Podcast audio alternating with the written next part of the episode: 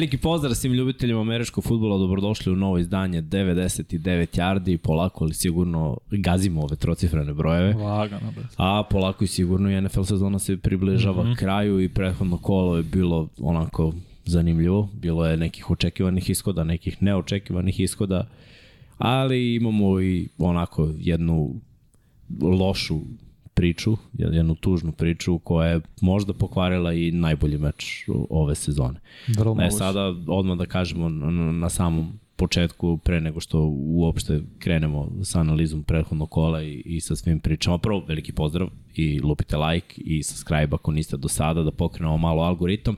Radimo u jednom terminu koji nije baš uobičajen za nas, ali eto sutra je banje veče, pa smo odlučili ipak da provedemo to vreme sa porodicom. U ostalom vanje jasno jedini večeras tu. Tako je, uvek smo tu, brate. Ovo je ozbiljni deo stola. Ozbiljni deo stola kreće na vreme, pa ti sad vidi. Tako pa, je. Tako da ono, pa se vi posle dobri. pitajte da, parking, da. šani se ne, do, dobro stvar što, što u Beogradu zaista nije gužu u saobraćaju i što su ljudi verovatno otišli malo na odmore, pa, da. pa je rasterećenije i mislim, kad nađete u centru grada parking iz prve, to, to, to vam sve Znaš da nema ljudi u Beogradu onda? Gde pa, da. Ovde ispred? Pa nisam baš ispred, ali na 100 metara, mislim. Što je, dobro, opet, to je uspeh. To je, ne da je uspeh, to je onako, herojski to, podvig. Yes. Ajde, ajde da pričamo malo, da krenemo o, o samoj mm -hmm. pori, da kažemo da je Daron uh, ha, ha, ha, ha, Šta? posjeti me prezime. Damar Hamlin? Hamlin, da. Damar Hamlin je dobro. Danas sam pročitao poslednju vest da je povratio 50% kapaciteta pluća. Otvorio oči. Da. To znaš što si video i čak i umeo, to jest uspeo da stisne ruku kogod, koga da. da mu je bio tu pored, tako da je to ozbiljni znaci napredka. Ajde da kažemo odmah od samog starta uh, utakmice, sve smo dobili što smo ih hteli. Uh, Bengalsi su postigli touchdown, Billsi stigli do crvene zone, mm -hmm. ostali onako kratkih rukava, pogodili trojku, ali delovalo je kao da će biti vatromete i onda ponovo dobar drive Bengalsa, jedno dodavanje za Tija Higginsa koji je uletao pravo u grudi i, i nekako mi je delovalo u prvi mah da to uopšte nije bio neki jak udarac. Pa mislim, ono, kad radiš bio. utakmicu mm -hmm. i kad mhm. vidiš, naročito, kak, mislim, znaš šta, godinama gledam NFL, mislim, i, i igrao sam sport, takvi udarci su, ono, dobar dan. To, Standardni udarci. To je normalno, da. nije bilo neko kao ubistva, ne, nekog nameštanja, ne, nego standardan udarac. E sad, jeste bio udarac u grudi i kada Hamlin pao, meni je dalovalo ok, sve je normalno, on je ustao i onda u jednom trenutku Neša nastavio da priča, da, da, da. tek smo ušli u utakmicu, Neša priča dalje. A vi niste imali sliku uopšte na, na taj kadar. Tako je. Promenio ja, se kadar. Tako totalno. je, ja samo odjednom vidim, dečko ustaje i pada. E sad, šta, šta mi je onako bilo u, u prvi mah, da možda dok je obarao, nije udario glavom, mm -hmm. I onda, znaš, ono, kad, kad ti se malo, kad izgubiš svest, pa kad ti se malo muti, onda ustaneš naglo, I onda Pomrati odjednom ti se sve. zamanta i gubiš balans i onda padneš. Onda je udario glavom dole mm. u zemlju. Mislim, 14 stepeni da kažemo da, da, da je zemlja prilično tvrda. I kad udariš sa te visine, kada padneš sa svoje visine i opustiš se i pravo udariš temenom, nije uopšte svejedno. I onda sam na trenutak pomislio da, da možda nije dobio potres mozga ili tako nešto. Međutim, znaš šta, kad je potres mozga, naročito kad nije neki snažan udarac, Uh, nisu onakve reakcije. Mislim, potres mozga je nešto, ljudima možda to kao tabu tema ili šta god, potres mozga je nešto normalno u ovom sportu. Mislim, ti igraš kroz potres mozga koje je blaži, mnogi ljudi ne osete. Nemaš simptome, prosto ne vide se pa da. simptomi da. toga i ti nastaviš. Ti dok ne dobiješ neki udarac da te neko, mm -hmm. naš, ne otkine, ti ne izvaljuješ potres mozga. Čak nekad kad ti zuji ušima i kad ti se malo muti slika, kao igrač ti uglavnom u fazonu, idemo dalje. E sad, znaš, kako je pauza trajala duže i duže, delovalo mi je, ok, ovo nije baš naivno. Onda kad sam vidio da igrači plaču, e, onda je bilo, o, izgleda nije, nema veze sa glavom. Onda mi prvo što mi je palo na pamet jeste da, da nije problem sa plućima. Srce, pluća, da, da nije izgubio vazduh i prvo gledao sam neko objašnjenje nekog doktora, koja je verovatnoća da, kako se prate otkuce i da tačno, jedan u milion je šansa da, da udarac u grudi uh, bude pogođen baš u taj milisekund mm -hmm. nakon jednog otkucaja. Da, da. Kako bi se da kažemo restartovao, kako bi se nastala aritmija mm -hmm. ko, koja natera srce da prestane s radom. Prosto mi je neverovatno da, da, da smo to, da evo, gledam Troy Aikman koji je igrao godinama i koji je gledao američki futbol, mislim, s obzirom da ima udarce, tada, 50 godina, on je gledao kao klinac, mm. pa je igrao, pa je komentarisao, kaže, nikad nisam svedočio ovako, ne, nikad nisam video ovako. Mislim, že se prekrenam, zar nije bio jedan igrač, čini se 68 ili tako 70 koji umro na terenu? Pa možda. Ali, ja mislim da se jednom desilo, to je bilo baš, baš davno. Tako sam nešto pročitao, no. tako da je to, ovo je jednu milijardu. Sve sportove ako uzmeš, potisimo se Eriksen u futbolu, da, da, nije doživio ovu stvar. Da, da, tako da to je stvarno jednu milijardu i to je prosto nemaš objašnjenje da. za to. Pa pazi, dobra stvar je da, da su se onako svi nekako ujedinili uh mhm. -huh. i da, da je brzo ukazana pomoć da je momak otišao u slačionicu, ali videlo se odmah da su igrači u velikom problemu. Mislim, ljudi moraju da razumeju da ovaj sport onako malo poseban što se tiče te timske energije. Pa, pazi, čak i na našem nivou ovde je, ja sam provodio više vremena sa svojim saigračima nego s porodicom. Nikog ne vi, kakva devojka, nikog ne viđaš više nego svoje saigrače. Jer ti imaš tri treninga nedeljno i da kažeš da, da imaš jedan sastanak kada se gleda film, uglavnom idete u teretanu zajedno. Da, da. Pritom igrate i utakmice. Znači, pazi, na ovom nivou ovde to je 4-5 dana od 7.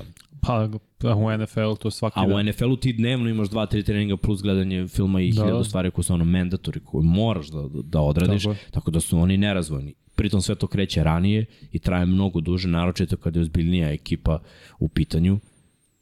I stvori se ta neka konekcija, naš, to neko bratstvo, to neko jedinstvo koje je meni nepojmivo za druge sportove. Mislim, trenirao sam druge sportove nigde nije kao u američkom futbolu. Ne, ne znam zašto, ne znam kako, ali nekako to zajedništvo i, i to bratstvo ko, koje proizađe iz slačionice u američkom futbolu ne može da, da se poredi ni sa jednim drugim sportom. Možda zato što je i mnogo fizikalniji sport i grublji i povrede su češće i ozbiljnije i zato se drže zajedno. Znaš Meni tako deluje, mislim. Pa da, moguće. Mislim, znaš, objašnjenje nemam. Stvarno nemam, a, a, ali nekako je povezanost baš jaka i to se videlo i u ovim trenucima. Sad prve, prvo kad smo dobili informaciju kao da će on biti odvežen u bolnicu mm -hmm. i nakon toga da će se utakmica nastaviti za 5 minuta. Znaš, ja gledam Tredevisa, Vajta koji su zeroni, gde će on, gde ćeš da igraš, naš, u to tom trenutku. To sam ti i napisao, čini se da sam da, nešto dopisivao, da sam nema, nema teorije da nastaje meč. Prosto šta, nema sila. Ja sam se nadao da neće, ali opet NFL je jedna mašinerija koju pokreću pare. Istina. Znaš, i plašio sam se možda da, da ne krenu na tu stranu, ali znaš šta je dobro u ovom svetu društvenih mreža gde, gde svako može da kaže svoje mišljenje, mm -hmm. u ovako nekim situacijama je možda to i dobro. Jer naravno ta vest je odmah izletala sigurno da, na svim društvenim mrežama i svuda su krenuli komentari, znaš ti ako se baviš time, ako imaš nekog ko je zaposlen da bi slušao mišljenja običnih ljudi, mogo je da vidi da niko nije mislio u tom trenutku da utakmica treba da se nastavi. Pritom, dobra stvar je bila od strane Bengalsa i Zeka Taylora da se dogovorio sa McDermottu da se vrate u slačionicu i da prođe, ne znam, pola sata pa da one razmisle. Ja verujem da su u tim trenucima čekala dobra vez da je ovaj momak počeo da diše sam, da, da je sve u redu i u slučaju da je to bilo ok, pao bi jedan kamen sa srca. Mislim, i dalje bi ti psihički bio uh, poremećen, ajde tako da kažem, možda nije dobar termin, da, da, da, da ali... Potrešen. Potrešen, bravo. Ali znaš što, da, bravo. Ali ovaj, svakako ne možeš da igraš posle takvog jednog stresa. Pa nije to kao što su dešavale povrede koje su bile grozne, potetimo se da kako je nogu polomio, tako da. te vrste, mislim na te povrede koje su isto da se uplaši, videli da. smo igrače da su na kolenima i oni plaču zbog toga, ali neko su uspeli uh, da se vrate meču zato što možda nije bilo ž, uh, život u pitanju. Pa da, znaš šta mi je bilo Ovo najopasnije? Ovo je bilo skroz drugačije. Šta je bilo najopasnije što sam vidio posljednji put? To je bio Ryan Shazir koji da. je ušao u onaj kontakt tako da je meni dalo da on neće hodati više u životu. Mislim, delovalo mi je čak da neće moći ni ruke da pomera u, u jednom trenutku. Oni su nastavili kako, meč. Kako još oni su nastavili meč, ali Mislim da bukvalno da su nastavili meč za 10 minuta. Da. I zbog toga mi je delovalo da, da NFL možda naginje ka tome, ok, daće pola sata pauze, da se čuje neke vesti iz bolnice, da je momak ok i onda da se nastavi. Međutim, što je više vremena prolazilo, nekako mi je delovalo da, da će Billsi i predati tu utakmicu. Znaš, da će biti u fazonu. Iako je ulog veliki, to, to moramo da pričamo, ulog je stvarno bio veliki. Billsi pobede prvi seed. Tako je. Bengalsi pobede, Chiefs su prvi seed, a postoji šansa da i Cincy bude drugi seed. Pritom Billsi padaju od prvog do trećeg I u slučaju poraza. Cincy ima taj breaker na svim. Tako je. što je onako veliki impakt na, na AFC. Ali opet, nedovoljno je sve to da, da bi Mislim ipak da... stavio tu ljudsku priču po strani mm -hmm. i da bi se nastavila utakmica. Mislim da neće biti meč uopšte. Ali Iskreno... to, to, da, to, to je velika, veliki mm. problem sada. Zbog, pa, pa ne znam gde bi stavili meč. Nek, vidio sam, ne slušam da igraju posle poslednje kola ove sezone NFC timovi. I da svi dobiju baj za playoff. Ne, ne, jedan od scenarija da NFC playoff strana se odigra, a da to, tu nedelju igraju Bills i Chiefs. Pa onda naredne nedelje samo igraju AFC strana wild card, pa tako sve. I da zapravo NFC u de facto ima jednu nedelju manje za odmor ili kako god, ili AFC ima jednu manje, nedelju manje za odmor. A, to nije fair. Meni nema smisla, mislim ili da stave nerešen rezultat, Mislim, ne, ne znam koji su protokol, ne znam šta je po NFL zapravo zakonu i pravilima, šta oni mogu da urede, šta pa ne smeju. Mogu da, ne mogu da utiču na rezultat, Jel to, da? to je problem. Znaš, no, rezultat može da se utiče ako je prošlo tri četvrtine, mm -hmm. ali nije. Tek da, da. je bilo polovina prve četvrtine. Znači, oni ne mogu da utiču nikako na rezultat. Osim eventualne pobede domaćina, mislim, Bilsi žele da igraju tu utakmicu, osim pobede domaćina meni samo pada na pamet da znaš jer ti to gledanje procenata nije fair prema mnogim timovima koji su igrali meč. Da, da, to je jedna od opcija. Ako bu, ako se ne bude odigrao meč. Tako je. Jer ti ako gledaš procenat onda odmah su Bengalsi prvaci severne divizije. Mislim biće i ovako i onako, ali kažem samo nije fair.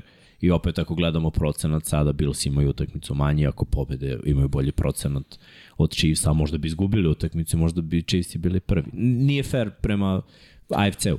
E sad, da, da, taj kad... dodatni baj, dodatna baj nedelja, da, da se ne uzme dve nedelje pre Superbola, nego samo nedelju dana pre Superbola, da sada bude baj, je nekako rešenje koje meni deluje kao najviše fair, jer će Ali... svi timovi dobiti nedelju dana da, i igraće znači, se samo ta utakmica. Onda, znači, nema probola.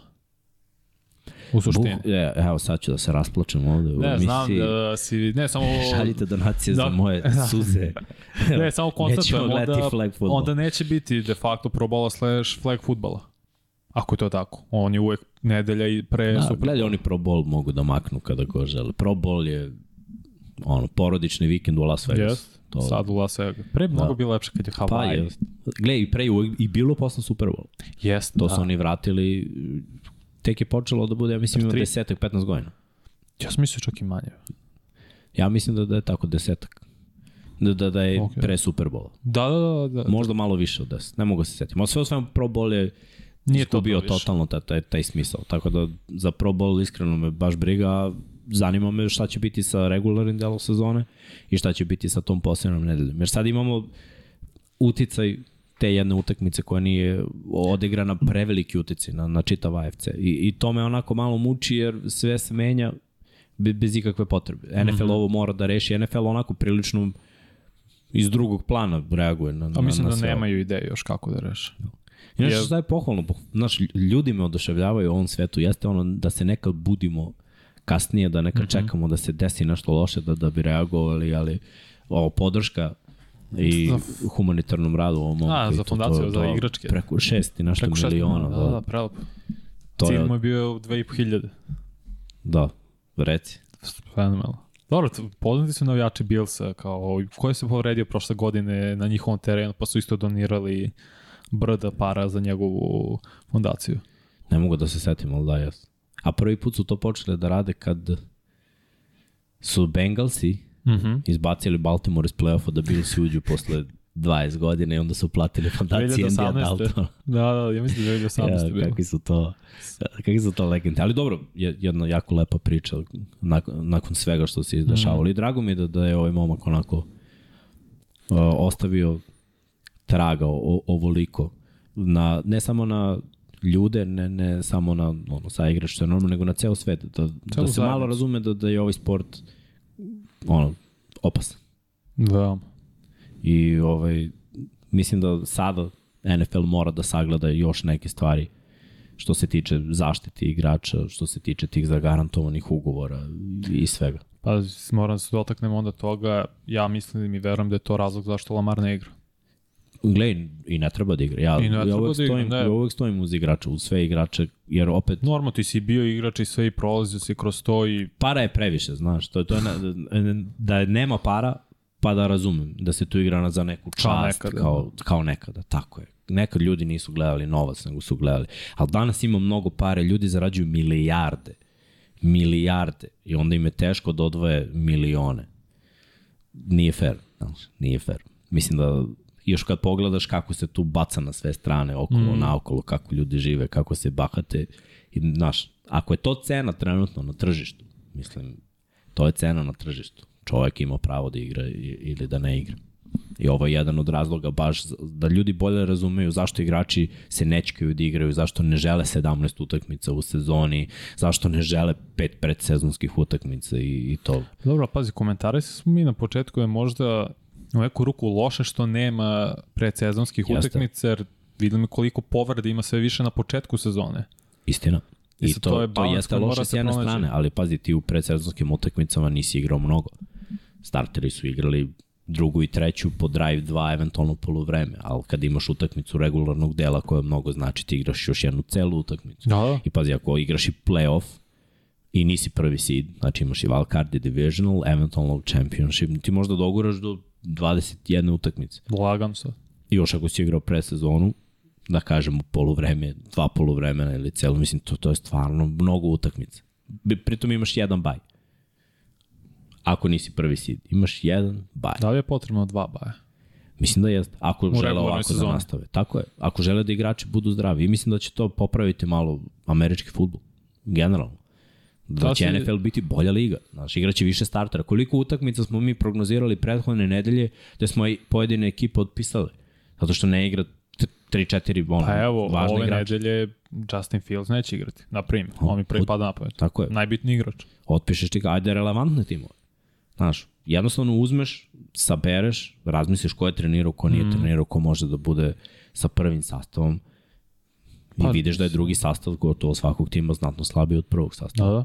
To, to su onako ba, baš veliki problemi. Ali ajde da ne pričamo samo o problemima, da, da, da pričamo ne. i o nekim pozitivima. Prvo, opet šta smo zaboravili sve da kažemo, srećna nova godina. Tako je.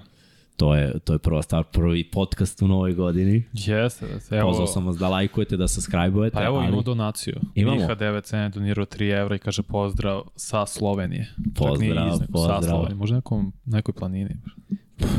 Ako jeste, uživaj, brate. Da, eto, prelepo.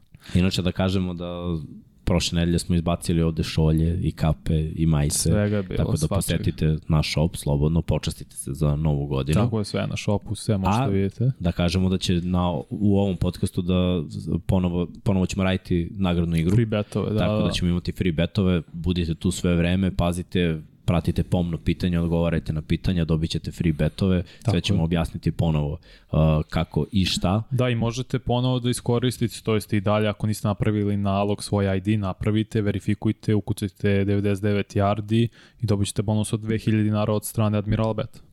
Tako, Tako je. da, tri free beta kao prošli put. E, uh, ko je prošli put dobio ovaj najveći? Kupusar. Da, nije se javio, nek se javi čovjek ili to ide stvarno tebi. Da, tako rekli. Brate, ljudi. javi se ili da, idemo nek se celo javi, kolo. Nek se javi našem Instagramu, nek napiše svoj ID da, da podelimo i ovo nedelje će isto biti od prvi free bet će 2000 dinara biti, drugi 3000 i poslednji 5000 od strane Admiral Beta, tako da igramo se, cepamo. Za malo da, da, da stvarno očistim celo kolo prošle nedelje. Stvarno? Na, pa da. U prognozama ili? Pa da. Pa nije. Pa da su Bengalsi dobili bilo bi 13 16. A mislim, krenuli su da dobijaju, da se nalažemo. Jel da bi bilo 13? Da. Top. Bolesno. Ja sam 11. Pa bilo je par kojih, da, Saintsi su nas super pastili neočekivano, mada mi Baš. pričat ćemo o tome. Da. Svakako, to mi je onako bilo... Ko je mene? Cleveland. I Green Bay, eto. Cleveland, ja sam, te, ja sam promenio na Washington, jer im svi stavili Washington, rekao, aj, ja ću isto. Pa trebalo im. Ali Carson Wentz, Carson Wentz. Ali yes. pričat ćemo, pričat ćemo posle tome. Da kažemo još jednom, znači sve što želite u šopu, slobodno, ako želite malo da se pojačate za praznike koji slede 99 yardi i dogma su napravili sek, pa sekujte se slobodno 9,9 alkohola. Tako, sad za vikend uz utakmice, poslednje kola idealno. Tako, time. i ovako ništa ne radi, nemate da dijete i doćete. E pa da, i da kažemo, mečevi, ima dva meča u subotu, to podsjetimo, i u nedelju ostatak utakmica ostalih 14. Baš tako. tako lep vikend. Ništa, ajde da, ajde da krenemo sa analizom. Imamo novog e, da, ima. producenta. El Producente. El Producente. El Producente, evo, da ne bude da ti naređemo, pusti nas nešto pa ćemo mimo tome. Bam! Eto, kad smo već kod ovih. Saints i Eaglesi 20 za New Orleans, 10 za Eaglesi. Eaglesi, pa, iskreno svi smo očekivali da će pobediti ovaj meč, jer stvarno im treba da obezbede prvi seed, ali nakon ovog groznog, uh, grozne partije i odbrane i napada, gde Minšu i grešio i neko napad je delao van ritma, sad su ostali na tome da u poslednjem kolu moraju da pobede Giants koji ruk, ruku na srce će igrati vrlo vjerojatno sa rezerva. Jer su Giants obezbedili playoff, ne mogu budu više od šestog sida ni niže od toga, tako da opet se ukazuje prilika Eaglesima da obezbede prvo mesto i zapravo priča iz, iza toga koliko fali Hurts. Hurts mnogo fali. I to ono što sam pričao, sad ljudi mogu da dele i ne moraju da dele mišljenje, ali startni quarterback u NFL-u je startni quarterback u NFL-u. Uh, kada je neko ocenjen od lošeg tima kao rezervista, taj teško da može da bude rezervista u dobrom timu ili ono, ajde, igrom slučaja može da bude. Uh, interception koji je bacio Minšu za pick Mhm. six Latimoru je nešto što se bukvalno radi na koleđu. Baciti slant i sve vreme, mislim, gledaš u defanzivnog beka koji znaš da će da napadne, koji je dobar bek, koji, koji igra tako da čita rute. Baciti tu rutu na način na koji je on bacio, nije bilo dobro. Pritom ovde je pisalo da imao jedan interception, imao je dva. Imao je pick six i posle toga je bacio interception kada je gađao fade uh, Za... za, Ka kome, ka... ka Brown. Je bio kao AJ? Tako je, Da. tako je. Oba dodavanja su bila ka AJ. Mm. E sad, jednom je bacio ono, bunar, fade, Ozbiljno i. AJ Brown je uhvatio to i pretvorio u touchdown, ali dosta grešaka no. I, i na prethodnim utakmicama. Tako da Minšu kao startni kvotor, mislim, AJ Brown je sad ga gurno malo pod autobus, shvatite da ovo kako hoćete, a, ali uh, mislim da je samim tim nekako pokazao značaj Hurtsa još veći Jer AJ Brown nije došao da igra sa Gardnerom Minšom, da se razumemo. Naravno. On je već dovoljno isfrustriran što je morao da igra sa Tenehillom. I sa imao je- momcima koji su menjali Yes. Rana Tenehilla prethodnih sezona. Tako da došao je da, da osvaja, da igra u play-offu, da igra sa startnim quarterbackom koji pravi razliku. Minšu nije uspio da uradi snik da se osvoji novi prvi down na četvrtom downu. Pao je bukvalno čovek odmah. Bacio dva intersepšena, igrao jako loše, e, nije pogađao svoje hvatače. D- Delo je da, da je Jel pogubljen. piše i u zvaničnoj statistici da je jedna? Mi sa E ESPN-a kupimo sve informacije, to Da. znaš, piše jedna presečena.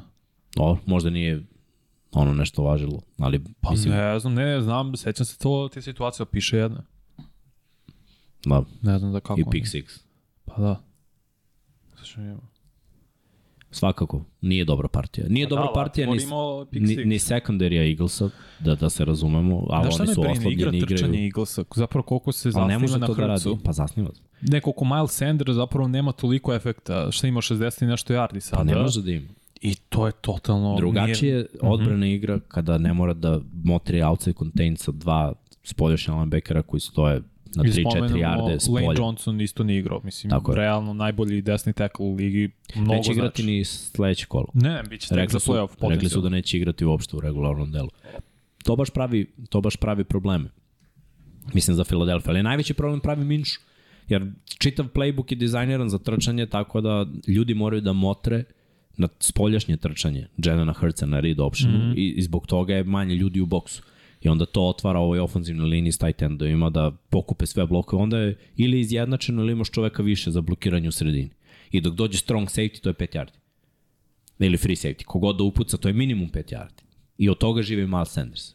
Pritom jednom će taj safety da promaši i to je to breakout trčanje od kog živi Sanders. Tako. Zapravo. A Hurts malo po malo, ako se svi skupe, izvuče loptu i ode na stranu. I Hurts je napravljen kao tank, I mislim. nemoj da uopšte da, da, da pričamo o četvrtom, trećem za jedan. Mislim, znamo da idu na sneak i znamo da taj sneak uvek prolazi kada je tu Hurts, kada je tu Minšu, ne. I to je velika razlika za Filadelfiju. Više Saintsi su bili ovaj, u igri i žao mi što, što su im se tako ugasile ali opet imali su neke utakmice i oni koji su morali A da nisu dobiju. zaslužili. Nisu, Za razliku od prošle godine kad su se i navijali Ramaltene za Senice da uđu jer su igrali dobro, ove godine je stvarno bilo više od 3-4 utakmice da su prosto bili grozni i loše za gledanje. Da. Ne Pazi. igraju nikakav futbol. I pola ekipe je na jaru. I, I oni to, da, opet ne su došli do, do nekoliko važnih pobeda. 8-8 imali tako Senice. Ne. Ne, 7-9. Imaju 7-9, da. Ali nemaju nikakve šanse jer je Tampa obezbedila prvo mesto. Da, prišće. Tako da ono, što se tiče File, malo su vratili u život uh, pre svega Dallas, koji ima šansu ako Fila izgubi u posljednjem kolu da bude prvi uh, na istoku. Dakle, Vratili su San pa da kažemo San Francisco, da. Od Minnesota je izgubila, tako da Ma Minnesota ne, San više Francisco nije. mora pobedi Arizonu, a Giantsi dobiju Eagles da bi bili prvi. To je... Ono što Opcija. je za Eagles je vrlo važno da nikako ne želiš da budeš bilo koji seed osim prvog seeda, želiš da playoff ide mm. kroz Philadelphia i mislim da će se to i desiti. Jel te mislim, brine defanzivna linija Eagles? Ne. Ja sam očekivao iskreno i protiv da, Dallasa i sad da će igra, to je odbrana protiv trčanja biti bolja. Nije, nije sad, nije sad Saints imali wow nešto, no. ali opet mnogo su uh, kako da se izrazim najbolje da, da ih ne uvredim sad toliko mnogo rupa se nekad stvori pored toliko igrača koji imaju. Cele godine je to problem. To mi je neverovatno. I imaju i brutalnu rotaciju i sve, i imaju ozbiljne igrače, jedno 5-6 ozbiljnih defensivnih linijaša, ali opet nekako ne deluje mi kao, na primjer, Bucks i svih ovih poslednjih 3-4 godine su bili ubedljivo najbolja odbrana protiv trčanja. Da, pa i Saints, ali znaš šta, to kako je Fila igrala do sad ne mora ništa da znači za playoff. Pritom, pogledaj ti NFC, ti do San Francisco nemaš nikakav problem protiv trkačkih ekipa. Zar ne? Dallas počeo da trči. Dallas neće trčati protiv Fila. Dallas će protiv Fila igrati Mm, isto kao što su igrali uđu. ovu poslednju utakmicu. Nisam čak siguran i Packers. Mislim, nema da se lažemo, ali Packersi će verovatno biti, ako je Fila prvi seed, Neće ih dočekao, neće ih ni drugog. dočekati. Ali, Da. ono, San Francisco je prava trkačka ekipa To sa trkačkim to. identitetom. Ostale ekipe će gledati da napadnu filu trčanjem samo radi balansa. Mm. -hmm. Ali će pre napadati secondary koji je povređen i, i koji ima problema, što se videlo i na ovoj utakmici. Mislim, Bradbury je ispao u nekoliko situacija ovde i videli smo protiv Dallas da taj rezervni secondary bez Gardnera Johnsona je u problemu. Maddox isto nije Tako igrao. je, nije igrao ni Maddox. Tako. CD Lamb se šetao na toj utakmici. Yes. I, I to je način, ja mislim da svi danas gledaju da tako dobiju Filadelfiju, a ne kao je sad ćemo mi da trčimo protiv Filadelfije. Filadelfija je ekipa koja će trčati i kompletirati nakon play action, a, a ne druge ekipe. Tako da ne osjećam neki problem za Filu, mislim da će dobiti Giantse, jer njima treba, shvatit će ovo ozbiljno, za razliku od Dallasa, mislim da su se tu potpuno opustili u toj utakmici, opet su gubili lopte. Koji identitet bio Filadelfija ove godine? Oduzimaju Sigurna igra. lopte, a Oduzimaju, čuvaju svoje. Čuvaju svoje. Na ovoj utakmici Moraju i na da prethodnoj nisu. Pa ne mogu da vrate dok je minus potrebe. Ne, ne, naravno i pre i Hrcu i poslednjih par meča pre povrede izgubio nekoliko lopti. Oni meč kad su izgubili od Washingtona, čini se da imao 2-3 kao tim, 2-3 izgubljene lopte. Ali pre toga imao pre utakmice s Washingtonom imao dve za sezonu. Pa ne, to, to, to. To je njihov Sve recept bio. ukupno on je najsigurniji quarterback trenutno ove godine u NFL. Mm. Svi ostali, među na, kogod staviš tu među najbolje, Brady ima malo imaju dvocifreni. Ali on ima dvocifreni broj. Je siguran? Da. Ima pet presečenih samo Brady, ne znam koliko ima fumblova. Pogledat ćemo posle, ali mislim da je on isto, što se toga tiče ove godine, baš vodi računa o lopti.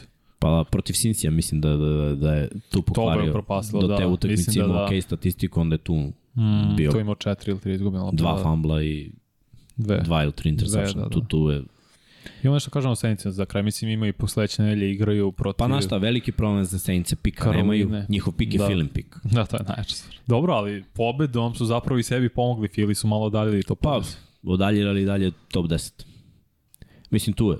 To je Zavisi što 12, urade u 13. poslednjem kolu Da, da. protiv Karolina, ali ako izgube, ako bude 7-10 Biće tako njihov oko skor, 10. bit će oko 10 što je za Filu vrh priče. Mislim da imaš to 15 mm. pik, u prvoj polovini da imaš pika, to, to je... I još ako imaš duboko, ideš duboko u play-offu, idealno. Tako je. Jer ti, ako malo jeste da to ide, uh, uzimaš u obzir potrebe ekipe na draftu, ali u principu sve što izabereš u prvih 16 je starter, i ono, sigurno starter na, na poziciji. I Fila samo može da razmišlja i o podmotku na, Pre svega defensivne linije, mislim da... Ili ofenzivno, podmodak. Znaš, Jest, da. Može i to da se desi. Može. Evo neko ne je napisao ovde, mislim da je Rade 8-9 Srbija kao la, lak raspored za Filo ove godine. Jeste. Ima Jeste, raspored, da. ali ti treba dobiješ te utakmice. Videli je. smo koliko puta, evo i Houston iznenadio uh, Tennessee baš. Mislim, dešava se loši timovi ili što smo mi loš, mislili da su loši timovi kad je krenula sezona, pobede, postanu bolji. A, Ništa Znaš to ne na kraju, znači. na kraju krajeva gledam playoff. Eto, Packersi su imali smešan raspored prošle godine i mm. prvi seed, divisional, prva utakmica, došao San Francisco iz wild carda i doviđenja prijatno. Tako da ono, do, do, dok se playoff malo ne razvije, stvarno je nebitno.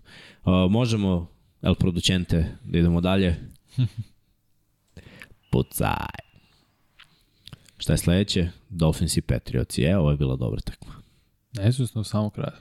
Da. Ali se vidi koliko god smo kritikovali tu, ali drugačije ti Miami sa i bez to. Jer Bridgewater mislim da je stvarno treba da završi svoju NFL karijeru, nije to to. O što? Boli go, dokle pa, god može da igra ovako i da uzima pare. Angaže, da, ja bi stvarno i, i igraće Skylar Thompson poslednji meč pa protiv Jetsa. I treba. Mislim, nije sad ništa, ni on igrao briljantno, ali opet. Teddy bi se povredio, inače da, krenuo da, je ovu utakmicu. mali prst. prst. da. I da kažemo da je igrao solidno, opet bilo je nekih diskutabilnih dodavanja. Petrovići su vratili još jedan touchdown, Dagger, to je sedmi vraćeni touchdown od odbrane. Kyle je neverovatno. Da, ma, dobro igra odbrana Petrovića, oni imaju ofanzivni problem. I na ovoj utakmici imali su sreće da Miami nije imao ofanzivni ritam od samog starta mm -hmm. i zbog toga su došli do pobjede. Ali ovo je još jedna utakmica Petrioca na ono, Mali jedan posed koji, koji su mogli da dobije. Sad, ajde da pričamo malo o impaktu ove dve ekipe u play-offu eventualno. Dolphins ako pobede ulaze u play-off. Patriotsi Možemo mogu da vidimo duđu... AFC play-off sliku tamo. Znam da je na dnu, ali snaći ćeš se, hvala puno. Ali, ma, mislim, trenutno je izba, evo, Patrioti su izbacile trenutno Miami. Da. E sad, koja je priča? Patriots igraju protiv Bilsa, Bilsima treba pobeda. Da. I kako igraju protiv Patriotsa u poslednje vreme, ja iskreno ne vidim scenariju. Čak i sa svim ovim dešavanjima van terena, sve što se desilo i koliko god oni bili utučeni, Patriotsi bi morali da odigraju najbolji meč. Oni su dobili Bilse prošle godine po onom vetru od 60 milja na sat. Tako da, što su, su trčali kad je Mac Jones bacio tri, put. tri puta na utakmici. Da, da. To ta utakmica se neće ponoviti, u, u to sam siguran. Uh, sledeće tri utakmice bili su pregazili New England. I mi, mislim da, da, da će to da se ponovi i u ovom poslednjem kolu. Baš si spomenuo Dagger, on je protiv, to, e, protiv Billsa baš pravio probleme Josh Allen, jer igrao kao hibrid, malo da. linebacker, malo nickel, malo safety, to je malo ometalo Allena i njegovo donošenje odluka. Gledam da će tako nešto slično igrati i sad u ovom meču. Sad bili se mnogo bolje trče nego što su to radili u prvoj mm. utakmici.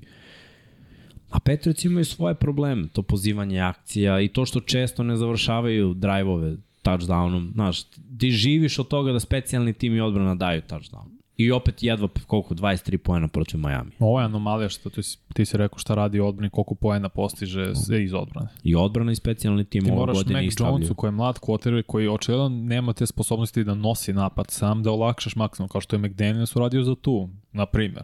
Eto što je jedan ofenzivni koordinator može, koliko može da olakša igru mladom quarterbacku. Pa da. Zato, zato je ova utakmica bila važna, jer sad Miami i New England imaju 1-1 unutar divizije, ali kada pogledamo taj Jel odnos... možemo da vidimo AFC istok? istok? Ali kada Ist. pogledamo s kim igra Miami, da kažemo da su Jetsi tek u ofenzivnom problemu i da je to poslednjih šest nedelja pakla za, za Jetse. Hvala puno. Iako su igrali dobro u početku. Miami ima 2-3, New England ima 3-2, zato su trenutno prvi, ali ako, ako budu imali 3-3, mm -hmm. uh, računamo da će u konferenciji Miami imati bolji skor. 7-5. Naravno, pod uslovom da Miami pobedi Jets. Tako je, tako je.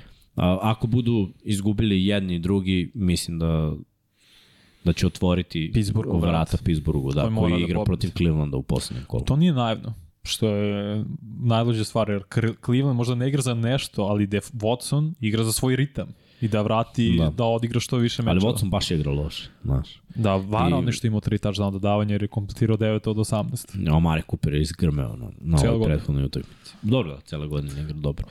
Ali dobro, pričat ćemo ovo. Ali šta je domet Miami? Mislim, pa neće biti naivno protiv domet, Jetsa, gledaj, da domet, se razumemo. Domet Miami, ako se Tua vrati, je dalji od svih drugih ekipa koje će ući u wildcard. Ja sam pričao o tome da će Pittsburgh dobiti ove utakmice do mhm. kraja. Znači, to, to već pričam mesec dana. I jedini sam ih izabrao protiv Baltimora, jer ima smisla da oni uđu u play-off. se iznervirao poslednji drive, vodi Baltimore na klem. Ali Pickett igra dobro.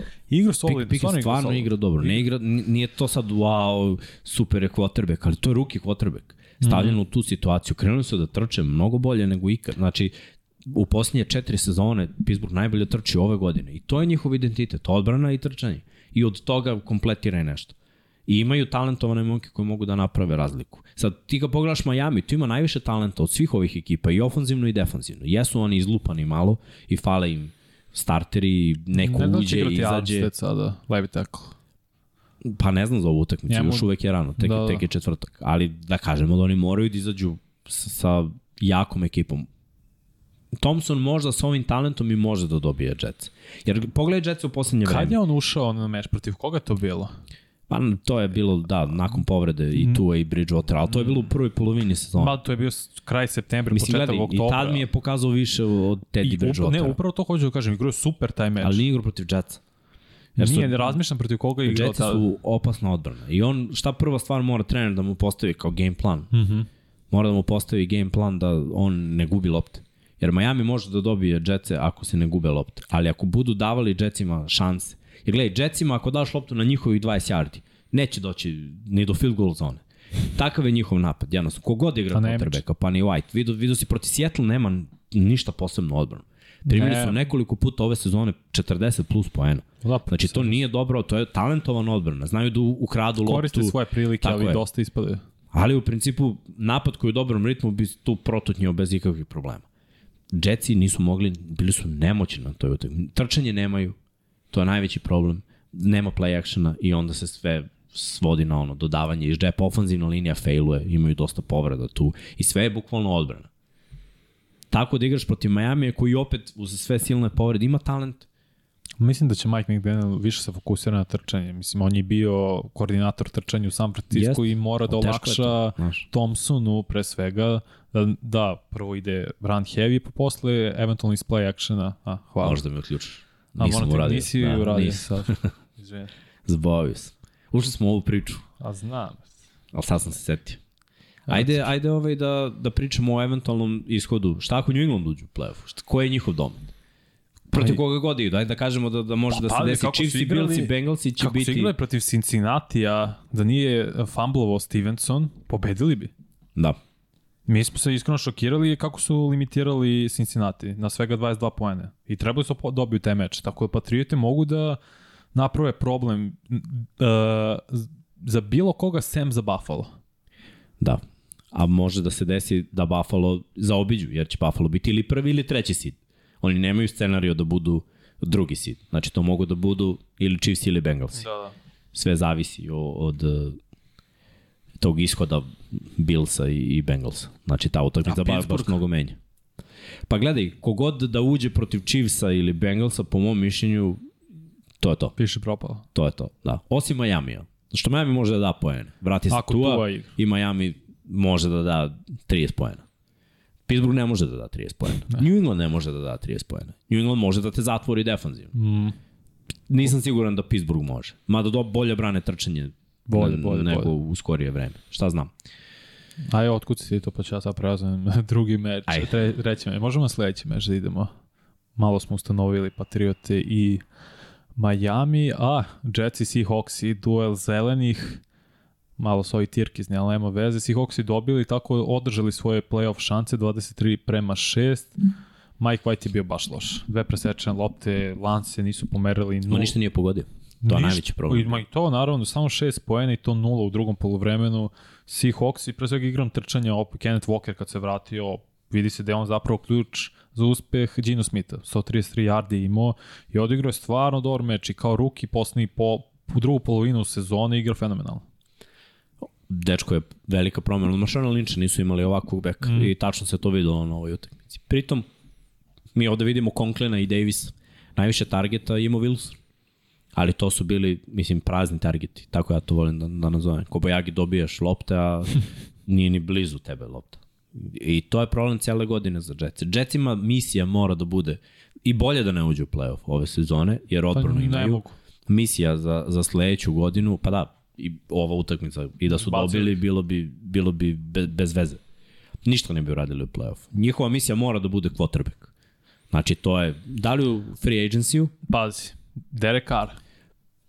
On, dovešće ih u, u toliko dobru sliku. Derek Carr je quarterback koji nije dovoljno dobar za neki daleki uspeh, ali dok ne nađeš rukija, uzmi Dereka Carra i uđi u playoff. Jer Za možeš. početak. Sa ovom odbranom možeš da uđeš u on playoff. po nek, pod svom ugovoru i svemu tobe, on može postane free agent ne bukvalno, ali već od uh, 14. februara, 15. februara. Da, on će imati, nedelja pre Superbola ako ga katuju. Tako je. Znači on će imati mesec dana prednosti za razliku od bilo, ko, od bilo kojih drugih quarterbackova. Malte ne da bira tim sad. Ko će to biti? Ja da sam Jetsi, ja sam predložio ono, pre par nedelja bude Aaron Rodgers, idi all in, ali Derek Carr. Rodgers ostaje u Green Bay, to verujte mi na to. Tako i deluje. Tako i deluje. To je To, to. je moja ono, luda zamisao, ali ovo kako deluje Derek Carr, Pa lepo da. rešenje, pogotovo u AFC-u koji je krcat mladim i ultra talentovim quarterbackovima. I u NFC-u ne deluje kao da bi da neka ekipa ima bolje izgrađenu situaciju. Jer on ovde ima mete. Ovde ima opcije. Da. On će napraviti bolje hvatača od, svakog nego što to može da uradi White ili Zach Wilson ili, Nije Joe Flacco. Wilson, Gert. Ne, ne, nego quarterbackovi. Aha, aha, aha. Ni Zach Wilson, ni Da, da, da, Mike White, ni Joe Flacco ne mogu da naprave od Gereta Wilsona, od uh. Elijah Moore, ko, Corija Davisa. Ne mogu, isto. da, ne mogu njih oni da naprave bolje hvatače. Jednostavno to nisu takvi quarterbackovi. A Derek Carr prangija. Mislim, kako god on daje šanse svojim igračima. Uvijek imao nekog hvatača ko, kome je dodavao Omiljenu temu, I, da. Tako je. Amari Cooper je kod njega imao dobru statistiku i Waller, pa prošle godine Renfro, pa ove godine Devonte Adams. Mislim, sve su to dobri hvatači, ali Jetsi imaju opcije. Gde god drug da dodeš. Vratit će se Brice Hall, moraju da draftuju ofenzivnu liniju. Ali Seahawksi Neophodan. su odradili odličan posao i može se reći da... Seahawksi imaju i pika Denverovog pika i ko će biti top 5. Seahawksi su mirni. E sad, šta je problem za Seahawks? Playoff. Koje su šanse? Pa njima zavisi, mora... Green Bay da izgubi. Tako je. Ali oni igraju pre Green Bay. Stavili su, de, su Green Bay i Packers protiv Detroita, Detroita poslednji. meč. Da. Ja nemam problem s tim, iskreno bi, to ti je Rodgers, Lambeau Field i sve, naravno će staviš njih prime time. Uopšte, ne, uopšte nisam ni mislio da će staviti u isto Ne, to je vreme. treba. To. To je prosto tako, šta se radi. Jug Sever NFC-a, to, to mora bude night. To mora Mm. da bude prime time utakmica. Tako je. Koja je šansa za Detroit da dobije Green Bay? Koja je šansa za Seattle da uđu u playoff? Mislim, kakva je ova sezona za Seattle? Ja bih rekao onako. Uspešno. Vrhunska. Ako uzmemo Delo sve u obzir. delo je su pronašli quarterbacka makar na narednih 2-3 godine. Pronašli su running backa, draftovali su Wall Cross na poziciji levog tekla koji igra dobro. U odbrani su našli par mladih igrača. Šta je sad, trebaš da na, nađeš elitan talent. Hvala Bogu, pa imaš Denverov pik, svoj pik, u dva će dva pika u prvoj rundi. Ti lepo možda izabereš i da gradiš. Ono Vraća se Jamal Adams. Tako, ono što zapravo voli Pete Carroll. Voli od mladih igrača da pravi tim, da uzima te ultra talentovane i zapravo i u kasnim rundama pronađe nekog dijamanta, kao ovog uh, cornerbacka. Vulana. Tako Da. je.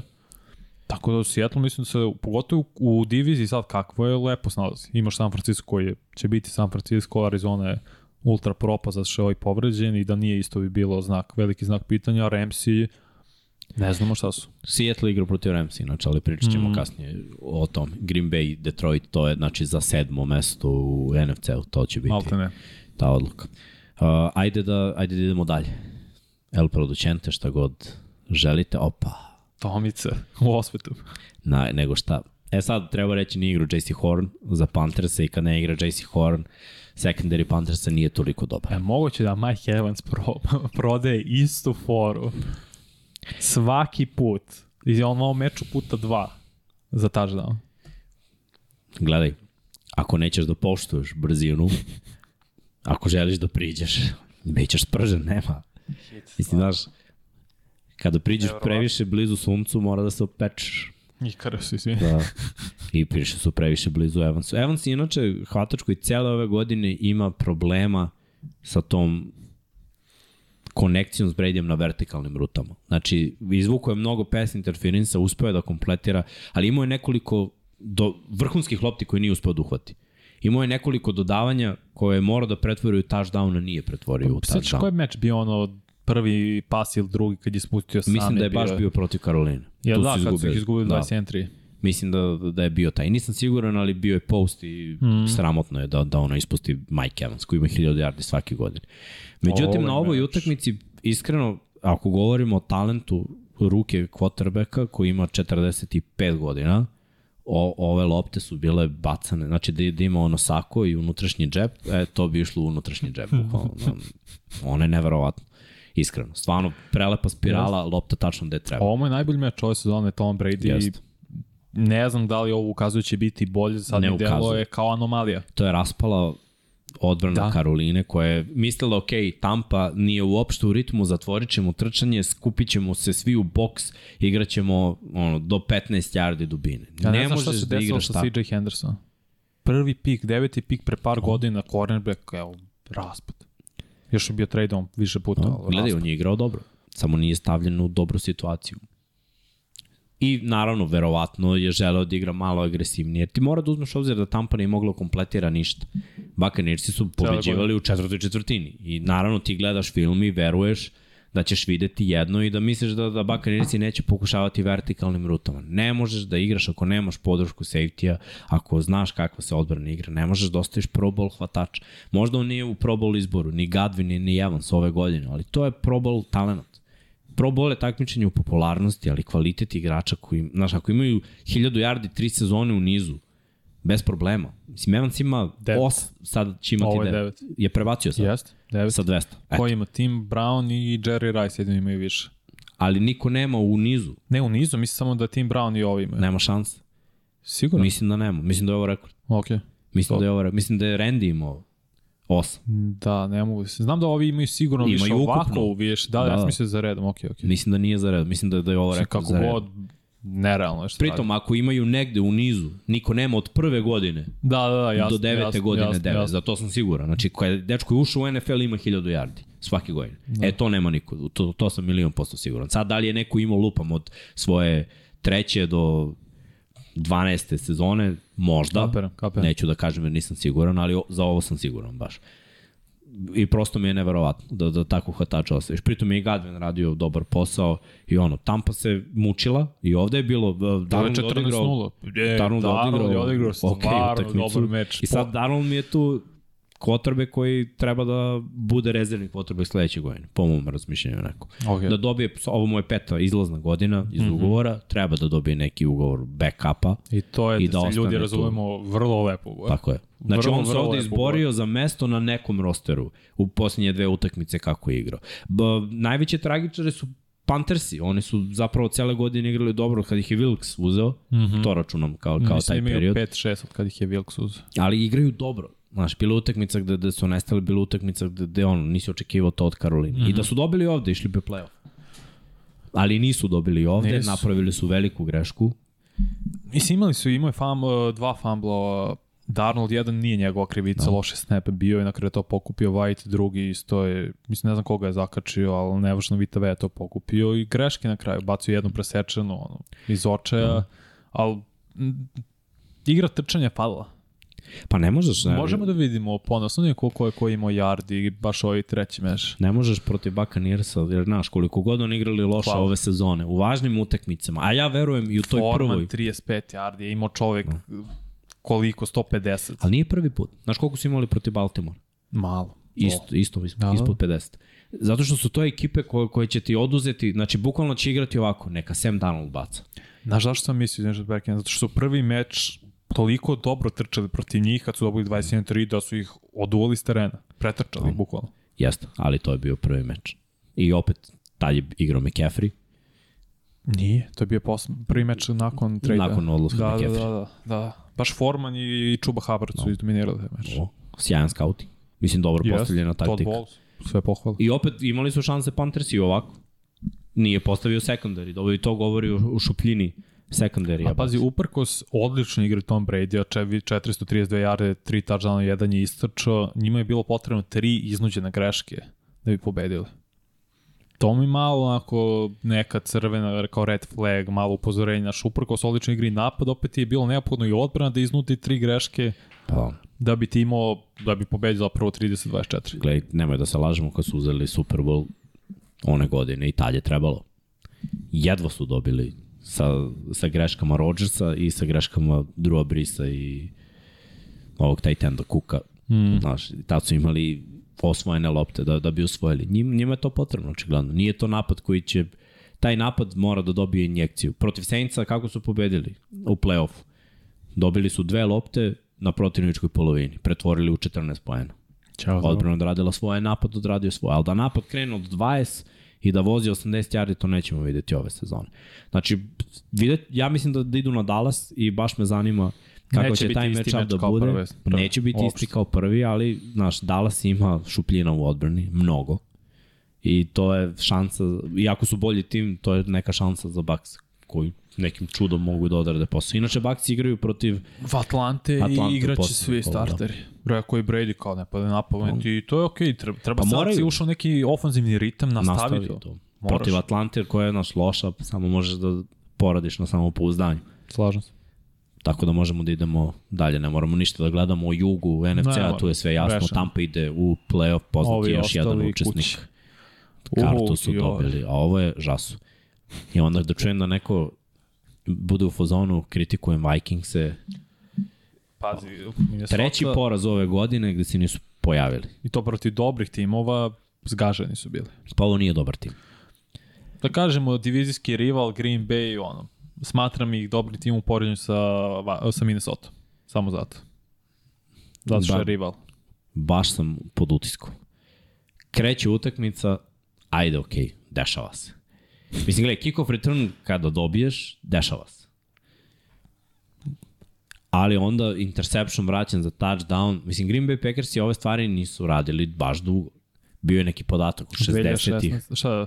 Od su imali četiri 60-ih u- nisu imali interception i A kick-off to, return. ja, sam mislio, da- ja sam mislio da ćeš misliti ovo što su imali četiri oduzete lopte u dva meča za redno. To nisu od 2016 ili 18 imali. To su isto nerealne stvari. Pritom sve vreme ti kad povedeš 14-0, a mm -hmm. igraš kao Green Bay, mislim da, da, da ova ekipa može da pobedi kada vodi 14-0. Ima kvotrbeka koji neće prodavati lopte, ima trčanje. Trošit ćeš vreme i da ideš na field golove i da, da prođe neko dodavanje, a proći će sigurno jer imaš talentovanog kvotrbeka. Ti ako vodiš 14-0, mislim, gledaj, da počinje utakmica 14-0, Green Bay bi verovatno imao šansu da, da ide s nulom Pazi, do Green kraja. Bay napokon igra onako kako sam ja, ti, onda kažem ona dela stola, zamislili da. da trčanje bude fokus i odbrana koja je ultra talentovna, evo sad napokon poslednjih četiri meča odbrana pokazuje svoj potencijal. Igram visoko na J.R. Alexander koji je rekao za Justin Jeffersona ono je bilo slučajno s ovim meču. Potvrdio, izvini, 15, hvata, 15 yardi imao samo Jefferson A protiv nije njega. bila slučajnost, ali znaš šta, Nije ova bilo, utakmica... nego je odradio posao, to hoću Na ovoj utakmici je baš odradio Jeste. posao. Bilo je nekoliko vrhunskih njegovih intervencija, ali bilo je i Kazinsa dosta. Ono, preplašeno Kazinsa na ovoj utakmici. I to, to je meni u stvari najveće mana. Znaš, u tolike, ti ako odariš dobar scouting i ako imaš talentovane bekove, možeš da se odbraniš od, od ovakve igre. Pritom, kada Minnesota krene da gubi ove sezone, oni se baš, on, trčanje ništa, i ajmo Kirk Cousins dodavanja, nije Kirk Cousins stvoren protiv dobrih timova da radi to, okej. 33 poena vratio protiv Kolca Lošti. Protiv, protiv tima koji imaju dobar pritisak. i gledaj, i protiv timova koji nemaju odgovor ofanzivni. Mm. Jer ti da bi stigao deficit od 20 poena, mislim, protivnički napad ne sme da postigne više poena. Ne sme pomera lance. Ili, ili ako pomera lanci i ako postigne neke poene, može postigne field goal ili dva. A on, Green Bay je nastavio da onda da troši vreme i da im daju touchdown. Jedan pa drugi i onda mm -hmm. si već u problemu. I u ozbiljnom prvi ti ne možeš da stigneš. Znači ti da mora da daješ za dva minuta touchdown.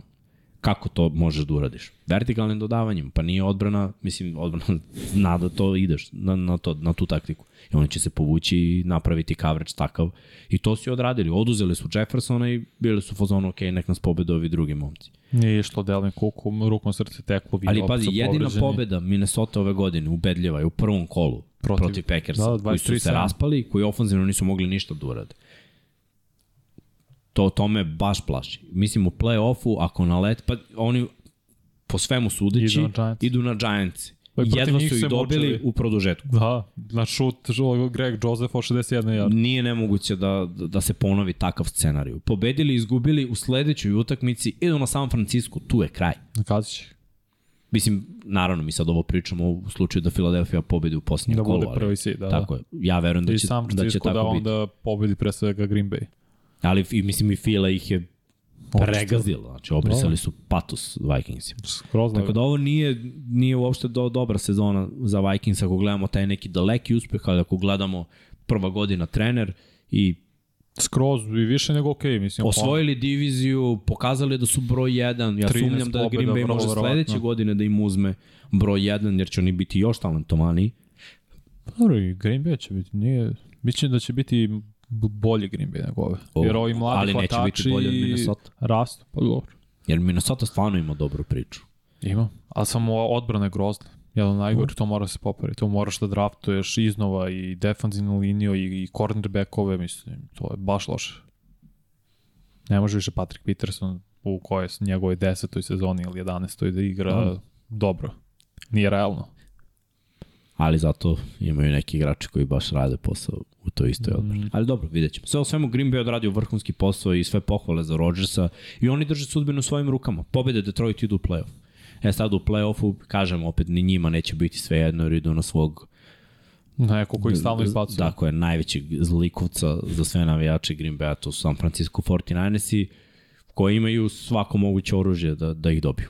I, vrlo, I igraće su u San Francisco. I to i Dibo će se vratiti. San Francisco u poslednja, u poslednja dva duela u play-offu, a možda i tri. Ta mislim da je tri, ako računamo 2012. Sve na gostujućim terenima. Ne znam da li je onaj... 2000... Poslednja dva su na gostujući. Je li bilo na Lambeau Field? Da, da. Užas. Kad su ušli u Super Bowl? Kad su ih otresli, da. Jel da? Da, da. Pa kao. Dobar.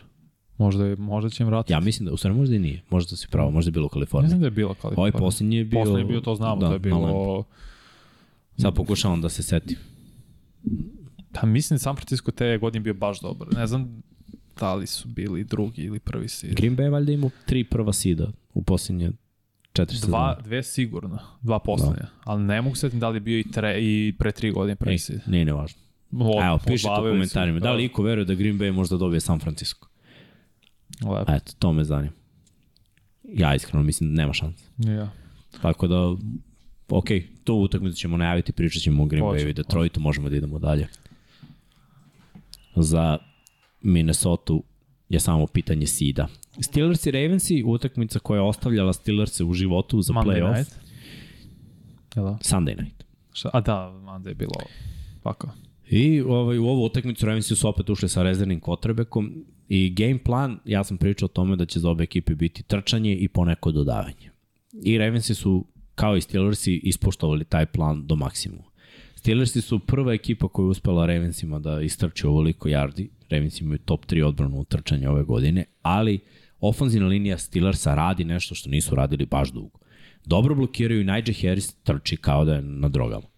Znači, njegov, njegova fizikalija, mm. bes kojim ulazi u prvi kontakt, drugi kontakt koji se baca, skače, preskače ljude, pritom jedan od najtalentovanijih bekova što se tiče ruku kad izađe iz backfielda postoji velika opasnost da on može da uhvati sve i jednom rukom i sve, mm. znači kompletan back. Pronašli su Vorena koji je komplementarni back jer je mnogo niži i trši na drugi način i za odbranu je problem kada obaraš jedno koji je visok, jak, je koji preskače. Mislim da je 6-2. Uš. 188, nezgodno. Dobro, to je malo manje od Henry. Ali da, ali za, za beka nekarakteristično visok. Ne, upravo to, to hoću kažem. Znači... I onda dođe drugi koji je 1,76 sa ono, 95 kila, džule. I totalno druga tehnika. Da. Jer ovde ako ideš nisko na Harris, on te preskoči. Ako na ovog ideš visoko, ovaj te pregazi.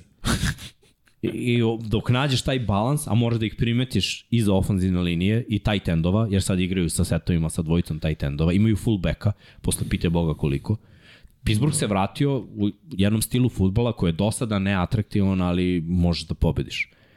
I cela utakmica je bila, bukvalno ja sam rekao, minus, minus je bio, 39 pojena je bio limit. Bilo 29, 29. na kraju znao si da će biti jedan napad 8 minuta, drugi napad 7 minuta i da će se trčati, trčati, trčati. To su radili jedni i drugi. I samo je bilo pitanje koji quarterback će uprskati jednom. Jer ovo nije Mitch Trubisky, Kenny Pickett je mnogo talentovaniji quarterback. Zbog, rekao sam već u najavi utakmice, mogućnosti da izađe iz džepa, kupi dve sekunde nađe. Koristi svoje noge. To je uradio nekoliko puta. Ravensi imaju veliki broj pritisaka i sekova timskih, ali nemaju čoveka koji završava posao tu je šansa za quarterback. On je izašao pet puta iz džepa na ovoj utakmici, bacio za prvi down, pritom izašao iz džepa i bacio za ta žalom za pobedu.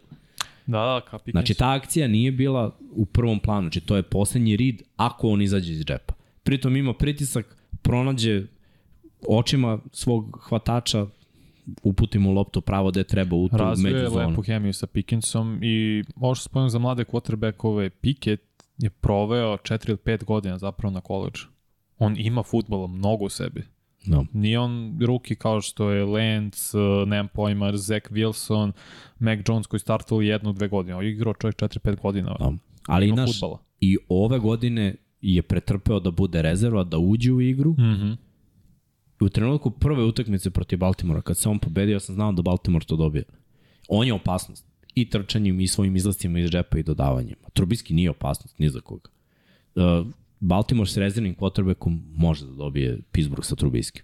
Ali s rezervnim quarterbackom ne može da dobije ovakav Pittsburgh. Jer Pittsburgh ima i dobru odbranu. Pritom sam znao da je Huntley hodajući interception, da je samo pitanje kada će se desiti. Njegova dodavanja su stvarno loša.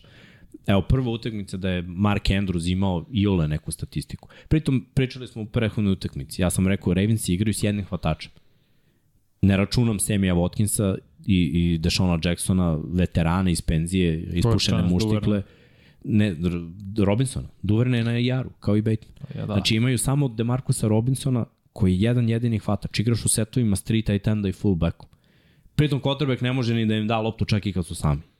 I opet ono, ja kad pričam, Lamar, Mahomes, Josh Allen, Herbert, u AFC-u imaju talent da trče ka desnom autu, jer su desnoruki, i da bace loptu levo. Preko I da ta tela. lopta ima volumen da stigne jačinu, brzinu, dovoljno dobar spin da stigne do, do hvatača. Huntley to nema, njegove lopte su lagane. Mislim, loptu koju on baca tom jačinu mogu ja da bacim loptu. On ima druge talente, to je trčanje i da kažemo i ole dobro donošenje odluka, ali ta trčanja njegova nisu ni približno dobra kao Lamarova. No, no, no. Tako da ovaj game plan Ravensa jeste bio napravljen da se pobedi jedva, na kraju bilo je dovoljno vremena za comeback, nije bilo potrebe da se forsira to dodavanje. Inače, dva, dve akcije pre toga je probao da baci to za malo je bio interception i nije se naučio od toga, nego je opet istu stvar probao i naravno interception. Steelers je opet osvajao veliki broj lopti i ove godine u odbrani. Ma odbrana radi svoj posao. Zaista radi svoj talent, posao i ajde da gledamo ovako. Opet. Ako uđu u playoff, ako se desi da izgube i Dolphinsi i Patriotsi, što ja sumim da će se desiti, mislim da Miami ide dalje, mm -hmm. ali ako se desi, a Pittsburgh dobije Cleveland, Pittsburgh ulazi u playoff kao i prošle godine. Verovatno... Mišić. Da, ali pazi, ko ih čeka? Čeka ih drugi seed. Ko će biti drugi seed? Kažemo Bengals. Ili Chiefs. Prošle godine su igrali protiv Chiefsa. U playoff, Steelersi. Da, i bilo je baš... Gaženje. Lagano gaženje. Baš je bilo lagano gaženje. To je onako bio veliki problem, po, po mom mišljenju, za Pittsburgh. I ne vidim scenariju gde ove godine neće biti problem. Protiv Bengalsa Divizija. Ista priča. Pa, Ista priča. Pa ne malo bih rekao. Malo veće bi šanse dao samo zato što divizijski rival će igrali dva puta ove godine. Malo. A kako su igrali dva puta ove godine? Mučno. Nije lako igrati protiv ovih, ovih talentovanih. Bengalsi su u vrhunskoj formi. Oni bi dobili ovde Bills, ja potpisujem. Znači sad, naravno ne mogu kažem da sam bio pravo, ali vidio si prva dva drajva. Slakoće su u kretili lopti po Marylandcu. Oni su ušli u formu i mora da poštoješ trčanje, a dodavanjima Buro stvarno koristi sve svoje opcije. Znači, za prvi touchdown ovako su se prošetali. Bez ikakvih problema. Znači, koristili su svaki moguć, svaku moguću rupu u coverage-u Buffalo Bills. I mislim da, da Pittsburgh ne može da da toliko poena koliko na kraju krajeva u play-offu, pošto više ovo nije old school futbol, će se sve svesti na to koliko poena možeš da daš.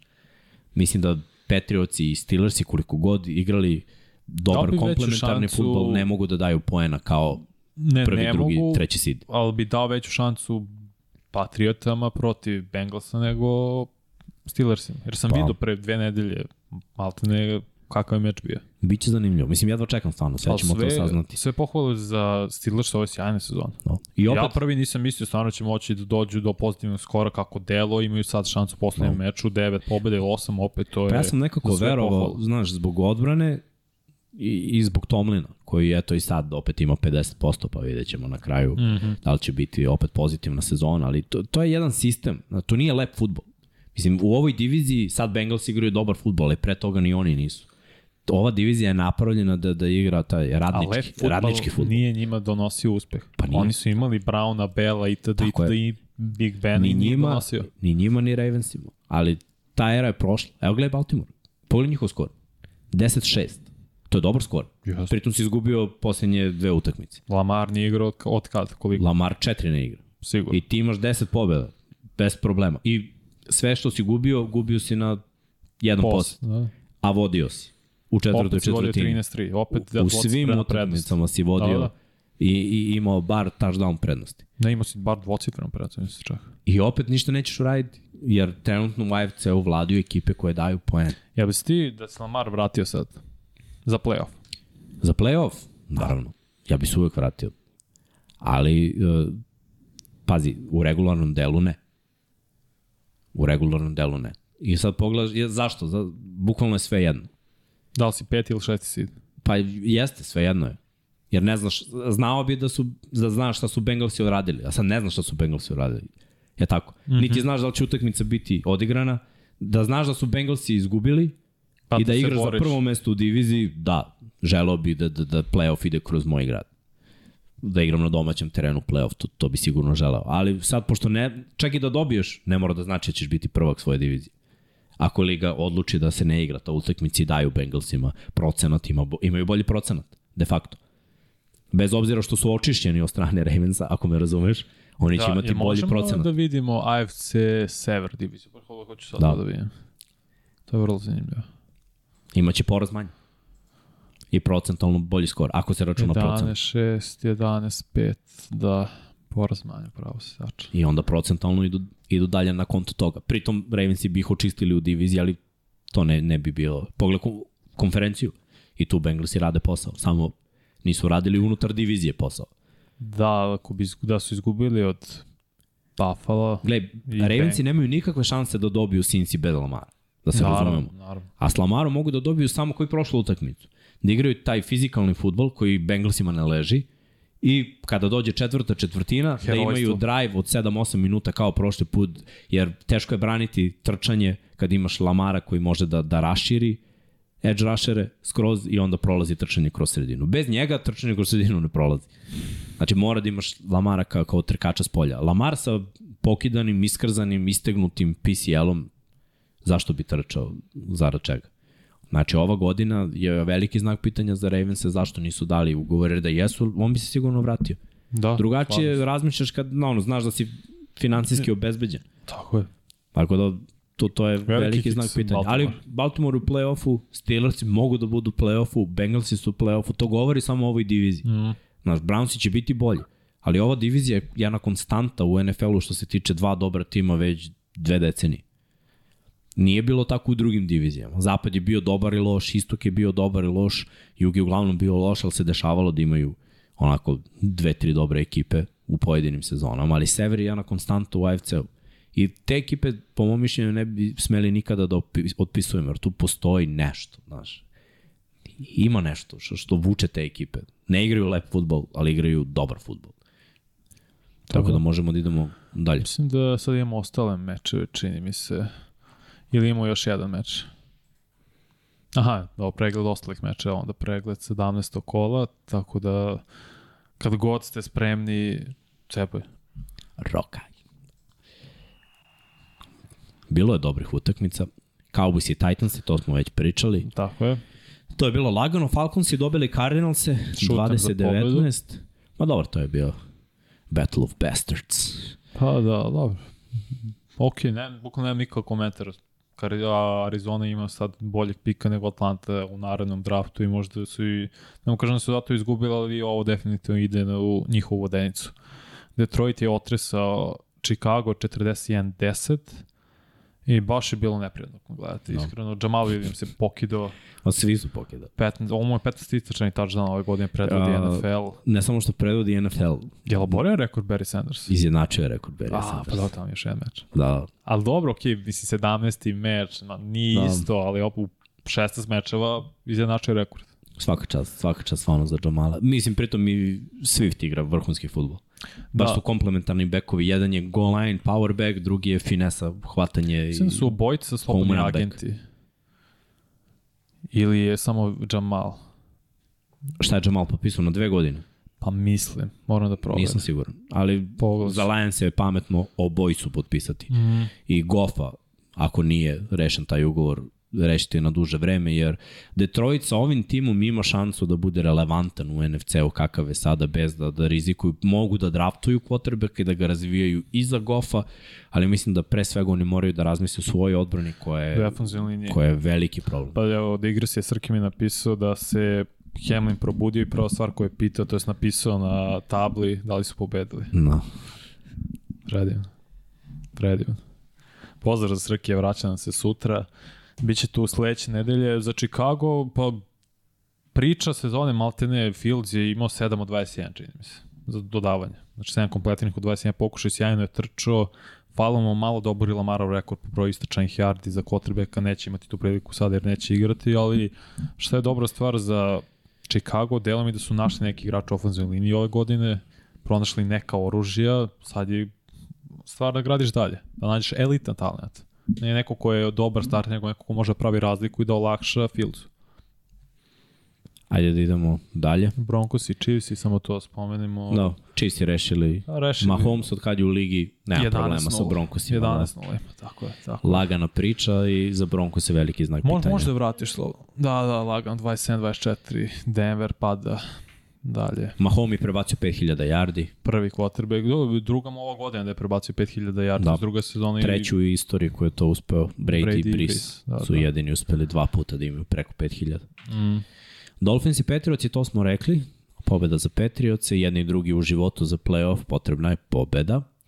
Giantsi dobili kolce i oni osigurali playoff sa skorom 9-6-1. Sigurno su playoffu, sigurno su šesti nosilac, tako da čekaju ko će biti treći seed protiv njega igraju u play-offu. Poklonu Daniel Jones imao četiri touchdowna sve ukupno. Znači, Danny Dimes! Danny Dimes, prate. Treba mu je Dable. Baš čuva lopte iskreno. Treba mu je Dable. E, sve Ej, ali to je velika promena za igrača koji ima tendencija da gubi loptu. Da. Ja sam rekao jednom, ne mogu Giantsi da dobijaju s njegovim izgubljenim loptom, jer on ima izgubljenu loptu po utakmici. Čak je imao malo više od jedne izgubljene lopte. Ima je. Pa što vidim koliko ima da... Čim je, čim je krenuo da čuva loptu, uh mhm. -huh. druga priča. Oni mogu da dobiju, jer sve je nekako krenulo bolje. Još samo mogu da zamislim šta bi bilo da je Sterling Shepard ostao zdrav čitave sezone i ova ekipa bi bila mnogo opasnija. I tek će biti sledeće. O sledeće godine je prava priča za Giantsa, Dable je po mom mišljenju kandidat za trenera godine. Slažem se, on i O'Connor definitivno. Mislim da je nais... najmanje uradio najviše. Ima smisla. Jer, dru, mislim, ovamo imaš mnogo dobri igrače. U Minnesota, isto u Majamiju, iako jeste i, i to veliki uspeh. Mislim, obe stvari su veliki uspeh, ali Giantsi su baš bili, od 2016. 2016 su da. propast NFL-a. I onda da dođe jedan trener da izbaci igrače za koje bi se tri puta počešao za glavu da razmisliš da katuješ kaderiju sa Tonija, Golada je ako mi se dao pare, šta je s ovim čovekom, je on normalan. Ne da je normalan, on čovjek zna šta radi. Zna šta radi i znaš koliko izgubljenih lopti ima godine Daniel Jones u 16 meča? Jednocifreni broj. Šest. Šest, tako je. A to inače bila... imao 1, nešto po utakmici u prethodnim to, sezonama. Ovo je bilo nešto što nisi mogao da zamisliš ikada. No. Sve pohvali za njega i napredovo je i za Saquon Barkley. Vrlo lepa sezona. Baš je comeback sezona za njega, tako sve pohvale za Giants-e, idu u playoff. Vrlo verovatno Minnesota imaće šansu. Da. Uh, Saints Eagles i to smo pričali. Buccaneers i Panthers je takođe. Eaglesi su izgubili, moraju da se bore za prvi sit, Tampa ušla u playoff. Washington propustio svoju priliku za da se bori za playoff jer je ovo bio grozan meč. Znaš da Rivera nije ni znao? To mi je nevrovatno. To je malo iskreno razočaravajuće. Što on nije znao kao glavni trener da su ispali iz playoff slike. To ne, ne mogu to Mislim, gledaj, on nije uopšte razmišljao o tome da će izgubiti od Brownsa. Ali... Ovo je, ovo je kraj za ovo, Carson Wentz. Da. Tri presečene lopte, ja Mislim da je gotovi u Washingtonu, to je to, ne znam. No. Gledaj, Heineke koliko god bio limitiran i dalje stojim pri onoj svojoj da je, da je bolji, jer donosi bar neku energiju Carson Wentz, mislim, taj njegov talent i to, sve te mogućnosti, on je ove godine pobedio jednu utakmicu. Carson Wentz je pobedio jednu utakmicu. Igrao je šest, ako se ne varam. Znači, od osam poraza, zaslužan je Burazer za šest pet ili šest. Užas, užas. Dobro, ali svako sa Commanders imaju dobar roster i moraju da se pozabavi pitanje quarterbackova. Nije ni Heineke rešenje Nije, da, da. Dobro. na duže staze, ali moraju da nađu nekoga. Da li to možda bude Jimmy Garoppolo, na primer, ne znam. Ili Derek Carr, što da ne. Ili on. Mogu i oni da ga pojure. Dok Brownci, bukvalno je ovo igravanje za sledeću godinu. Opet je Watson bio rđev, rekli smo 9 od 18, da imao 3 touchdown dodavanja, ali mizarna istina, procenat kompletiranih dodavanja, Nick Chubb je odradio svojima preko 100 yardi. Sa nikad gorom sezonom oni imaju 7 pobjeda. Da. I mislim da će ići na sve ili ništa da izbace, sigur. da izbace Pittsburgh. Ma idu sigur. Ali nisam siguran koliko je to realno. Jaguarsi rešili Texanse bez i malo pitanja, mada opet Texansi prvi pik na draftu. Nisam ne mislio da će ući jako Nisu još osigurani. Pa, Oni ni, znam, ali mislim... Ali ako Texans je Vidi kako su igrali ovo utekmiš, mislim da su ludi.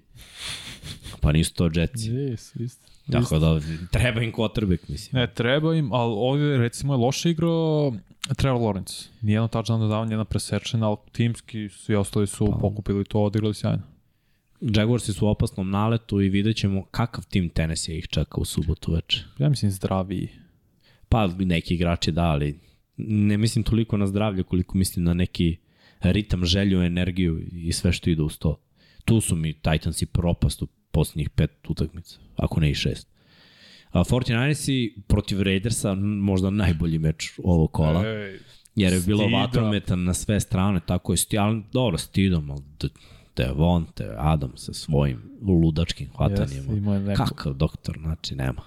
Momak je čudo. Koga god da mu daš kao quarterback, kao, o, ako je lopta iole upotrebljiva, ra računaj da je hvata. Moram samo pokloniti, ti idem i odigrao, yes. zna sistem McDaniels, zna to sistem, se da. očigledno videlo i podbora 49ers, ja ne znam, ne mu kažem da se nisu spremali, ali sigurno nisu toliko ozbiljno shvatili Raiders se čim su dopustili 34 pojena. Ali gledaj, evo ti, ono hvatanje čudesno, Devonta yes. Adamsa. Ma ima par.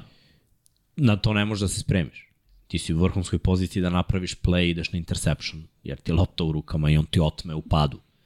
Opet kada je uhvatio drugi touchdown, ti ideš na, na kvotrbe kada vršiš pritisak, to je rezervni kvotrbe, većina se uplaši, donese lošu odluku. Ovaj Borazir je čekao dok nije dobio udarac do poslednje sekunde. Ne radi to svako. Znaš, stidam ima srce. I to je pokazao. I testirali su ga 49ers i dali ima i tu se opečaš ponekad. Znači, jer mnogi bi se uspaničili u toj situaciji, igraš ti ide kacigum u grudi, znaš ti tu loptu bacaš u aut, žmuriš, on je video da je on Adam sa bacio mu mm -hmm. loptu i sve ostalo je ušlo u legendu, ali opet na kraju je failo. Bacio interception kada nije smeo. Kraju, da, da. Da, i tu je vratio 49ers. A Brock Purdy igrao dobro. I videli smo da kad gubi da može da predvodi i 49ers do pobede. Poslednje 2-3 drive u četvrtoj četvrtini, touchdown, onaj field goal što je mašio kako se zove, Gold. Da. To nije na Purdy i posle opet u produžetku isto imao super drive, ovaj pogodio s 23 yarde i stvarno yes. je odigrao dečko za sve pohvale. Težak meč, iskreno bacio jednu presečenu, ali je pokazao da može da ih predvodi kad je ovako na veći broj poena. Pa da, mislim i protiv ove odbrane Raidersa moglo da se očekuje da mm. McCaffrey se šetkao kako, yes. kako je trčao. A Juk isto imao neka hvatanja. Vrlo važno. Opet, znaš, lopta u vazduhu, pute tri dana i svi bleje gledaju i sa Ayuk skači i hvate, pa naravno. Uh, Seahawks i Jetsi, o tome smo pričali, za Seahawks se postoji šansa za playoff. San Francisco se bori za drugi seed. Vikings izgubili od Packersa i oni se bore za drugi seed. Packers jako pobede u playoffu. Chargersi dobili Ramse, Šta je meč za Chargers? Iskreno, bilo je i napad i odbrana, nekoliko vrlo dobrih drajvova. Mogu pohvalim i Bakera koji u prvom polovremenu imao dva, tri drajva koji su izgledali dobro ali posle prosto talena na jednoj strani lopte bio previše i Chargersi se polako zaleću i sviđa mi se što je Ekeler bio uključen, imao dosta yardi trčanjem i opet dva touchdowna, Herbert je imao 75% kompletnih dodanja, dva touchdowna. Lepo igraju i igraće svi protiv Denvera, da uđu što bolje ritam i Jure... Da budu peti seed? Pa da. Mislim, ja Jer da nema... taj peti seed je u principu najlakša utakmica u AFC-u. Bi trebalo, mada taj isti Jackson je otresao Chargers ove godine, tako da to mi da. ne znači sada nešto wow. Mislim da samo da što bolji ritam, ali si peti ili šesti seed, nevažno je skroz. Pogledaj ispod njih ekipa s kojim se bore. Da, da. Peti ili šesti seed. Ravens je sigurno u play-offu, Steelersi 8-8 jure.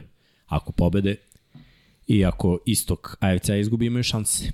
Bengals i Billsi, utakmica koja nije završena, bilo je 7-3 za Cincy i to bi bilo to što se tiče prethodnog kola, pre nego što krenemo na, na bilo šta, možemo s pitanjima, a? Može. Koje, da, da pozovemo, da pozovemo sve ljude koji vole da se igraju, koji vole da se klade. Evo, nagradno pitanje, uh, s obzirom da Admiral Bet podržava ovaj segment i daje vam u prvi je 2000, je tako? Tako, tako je. 2000 za free bet. A pitanje je koji igrač je prehodne nedelje imao najviše touchdownova u NFL-u, a da nije quarterback? Lepo, sad ćemo, ja ću sad da ispratim, podešam sve, tako da ćemo videti. Jel ona i... Jel onaj? da, da, mislim da je. Nema odgovora. Dobro, do tada možemo da vidimo naše prognoze. Može, možda da sačekamo tako da vidimo kako smo gađali. Poštare ne pisao moj odgovor je True Lock.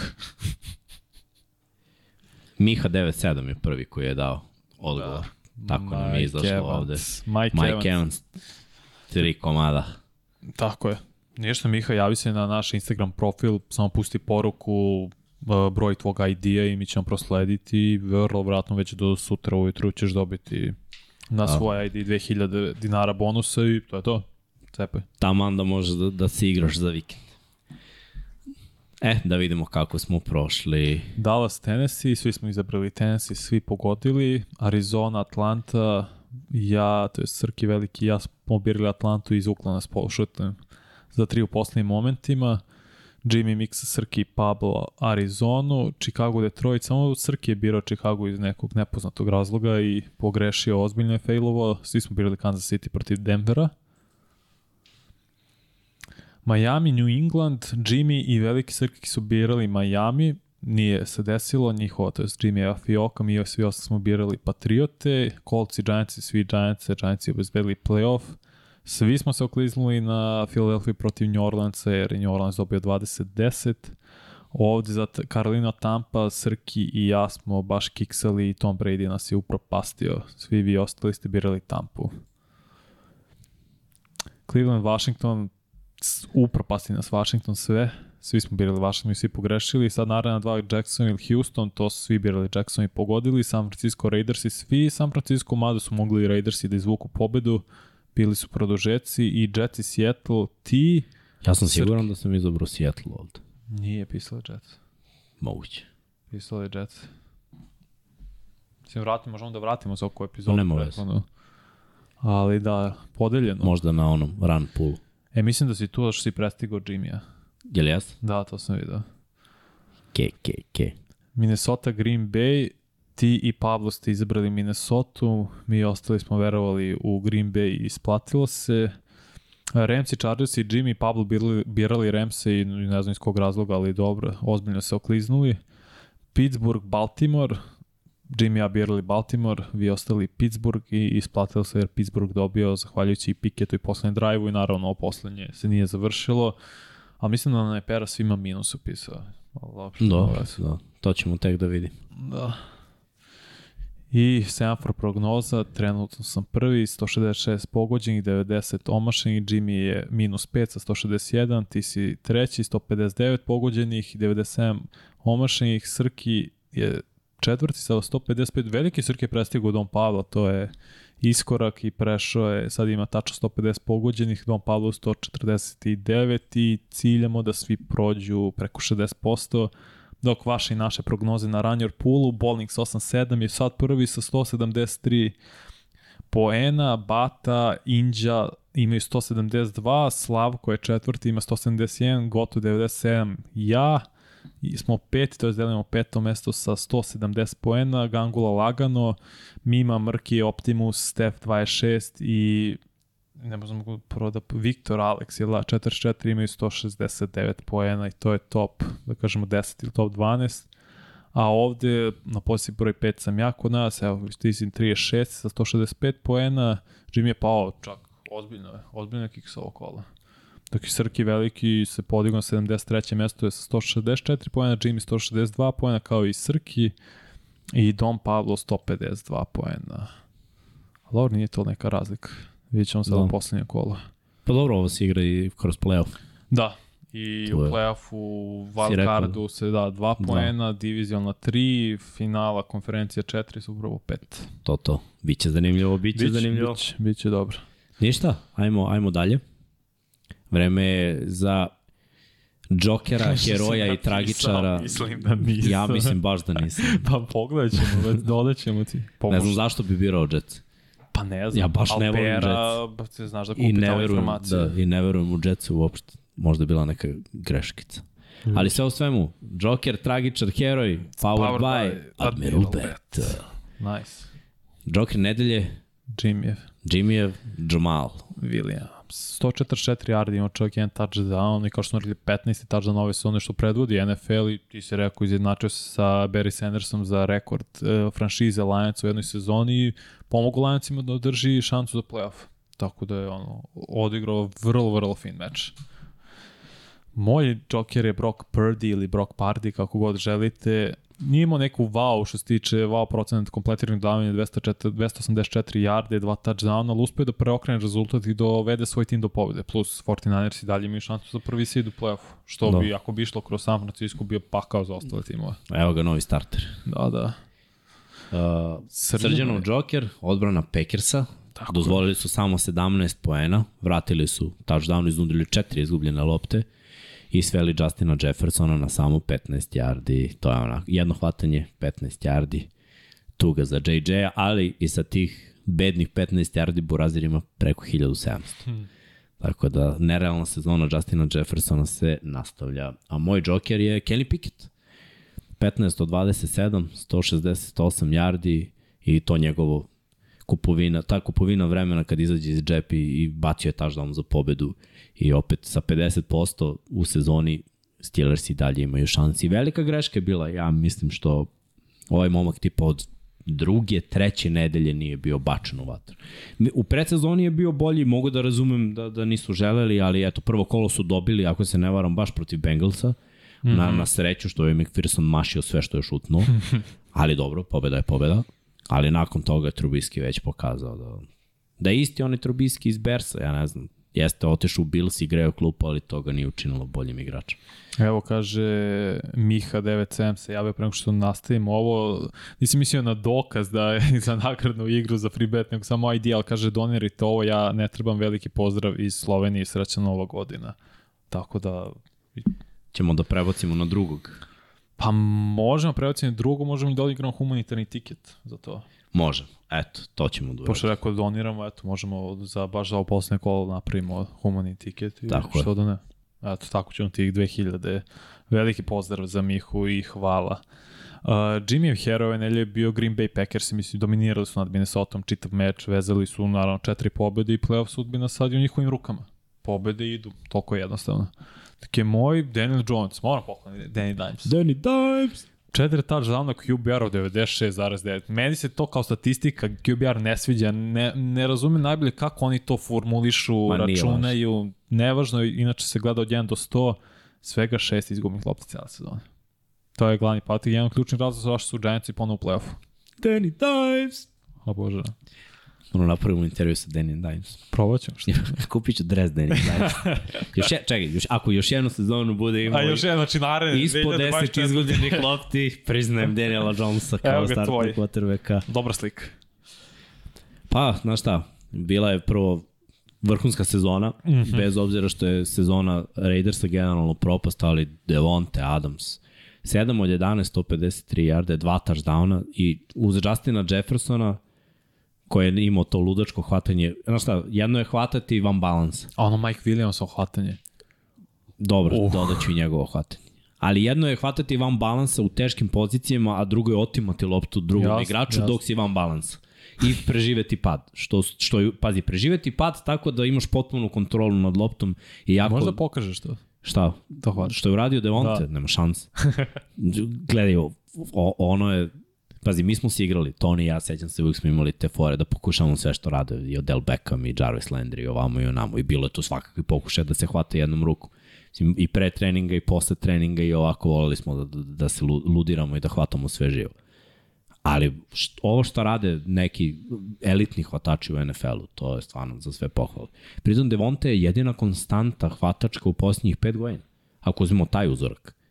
Da. Jer je jedini zdrav. Mislim, ne igra ni on sve utakmice svake godine. Bilo je utakmice gde je igrao 13, bilo je utakmica gde je igrao 10-11, ali on konstantno ima preko 1000 yardi, pritom je konstantno u top 10 najboljih poentera, jer je meta u crvenoj zoni. I ove godine on ima najviše uhvaćenih touchdownova sa ova dva.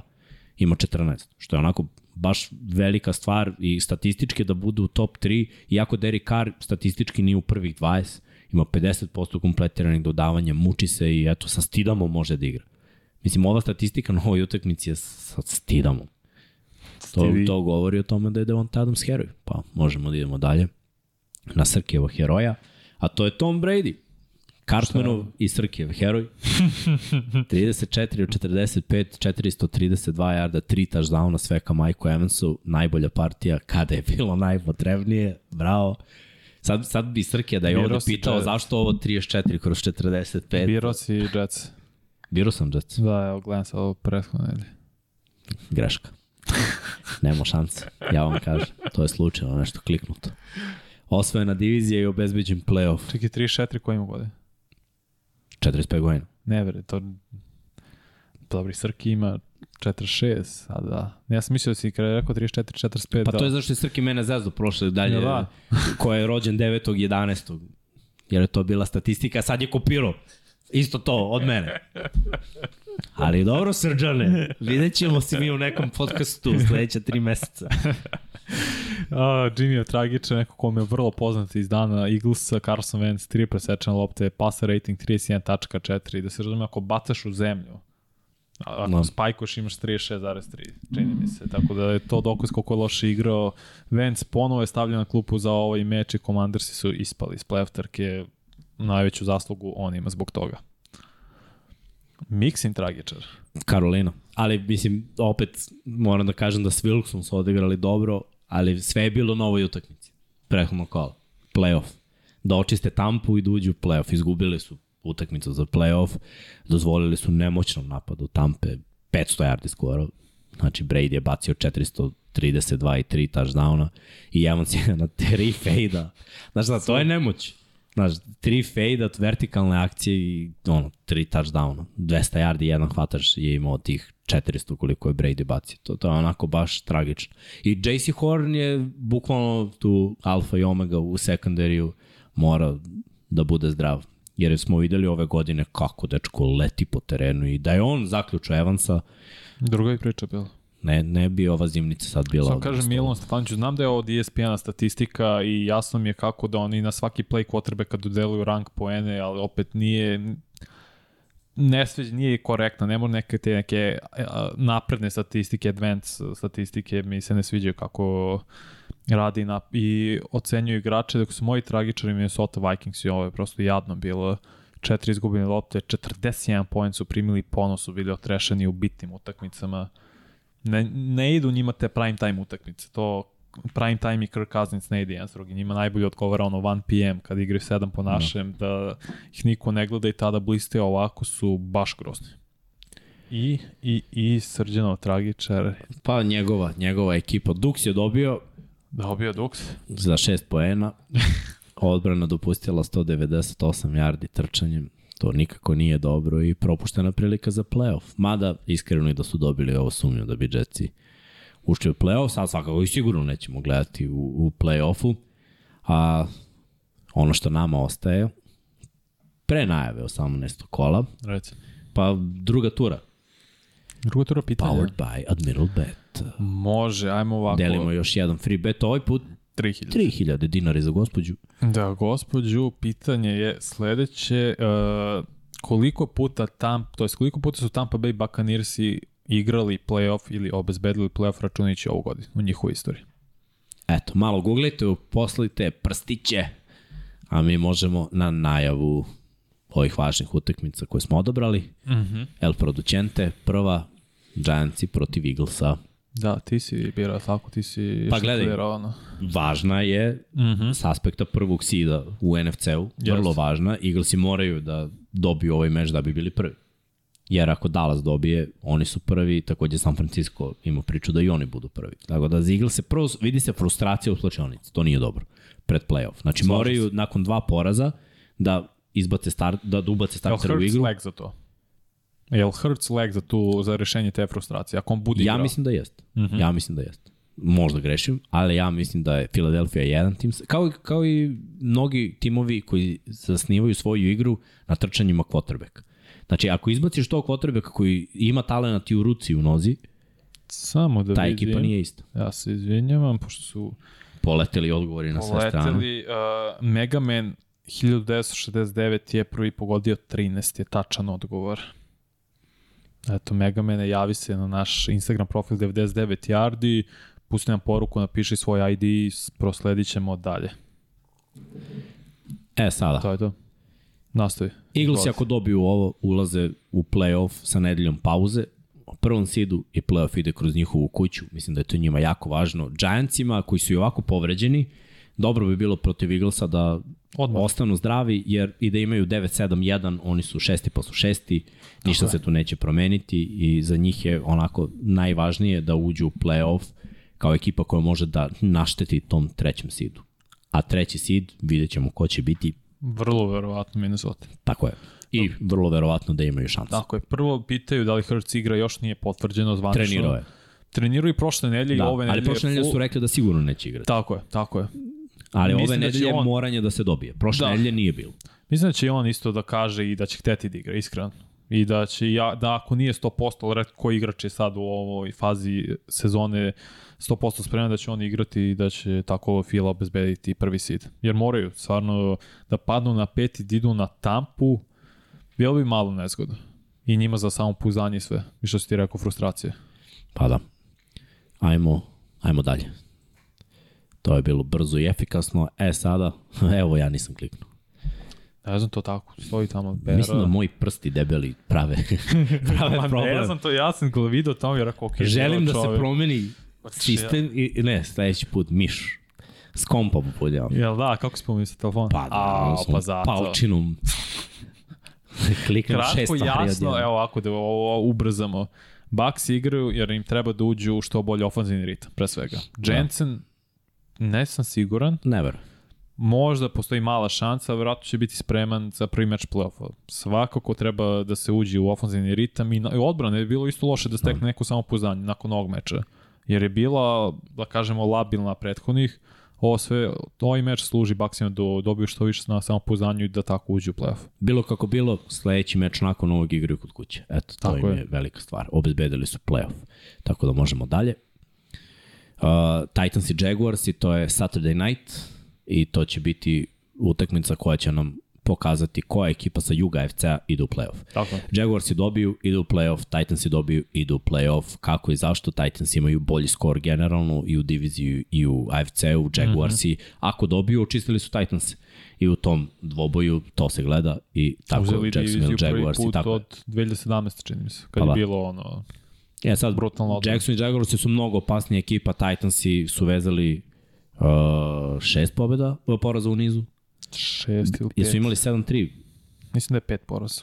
Da, sve u svemu loša Mnogo. igra, uh, neće igrati Tenehill, igraju sa rezervnim quarterbackom, igraju sa uh, Joshua Dobbs će startovati kao Koji je igrao quarterback. dobro protiv Jeste, ali Dallasa. mislim, Pa ne, moraju se osloniti na Henrya koji će igrati i provalio sam, to je čitao sad statistiku, kad imaju ovaj personel od 11, to je jedan running back, tri hvatača, jedan tight end, da Derrick Henry u poslednje tri meča ima preko 200 i nešto yardi, što je okej. Okay.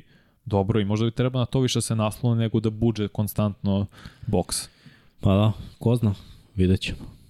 Vidjet ćemo, baš me zanima, ali mislim da Jaguars idu dalje, to je, to je neko moje Pa viđenje. više opcije imaju da da kažemo povrede Titanse Ingram koji je izdominirao Titan prethodni treba i sad bude fokus jer Titansi dopuštaju pored svih fokusa najviše yardi tight endovima preko 1000 su im dopustili ove sezone to ti je rešenje kojih je Ingram već upropastio opet ideš na njega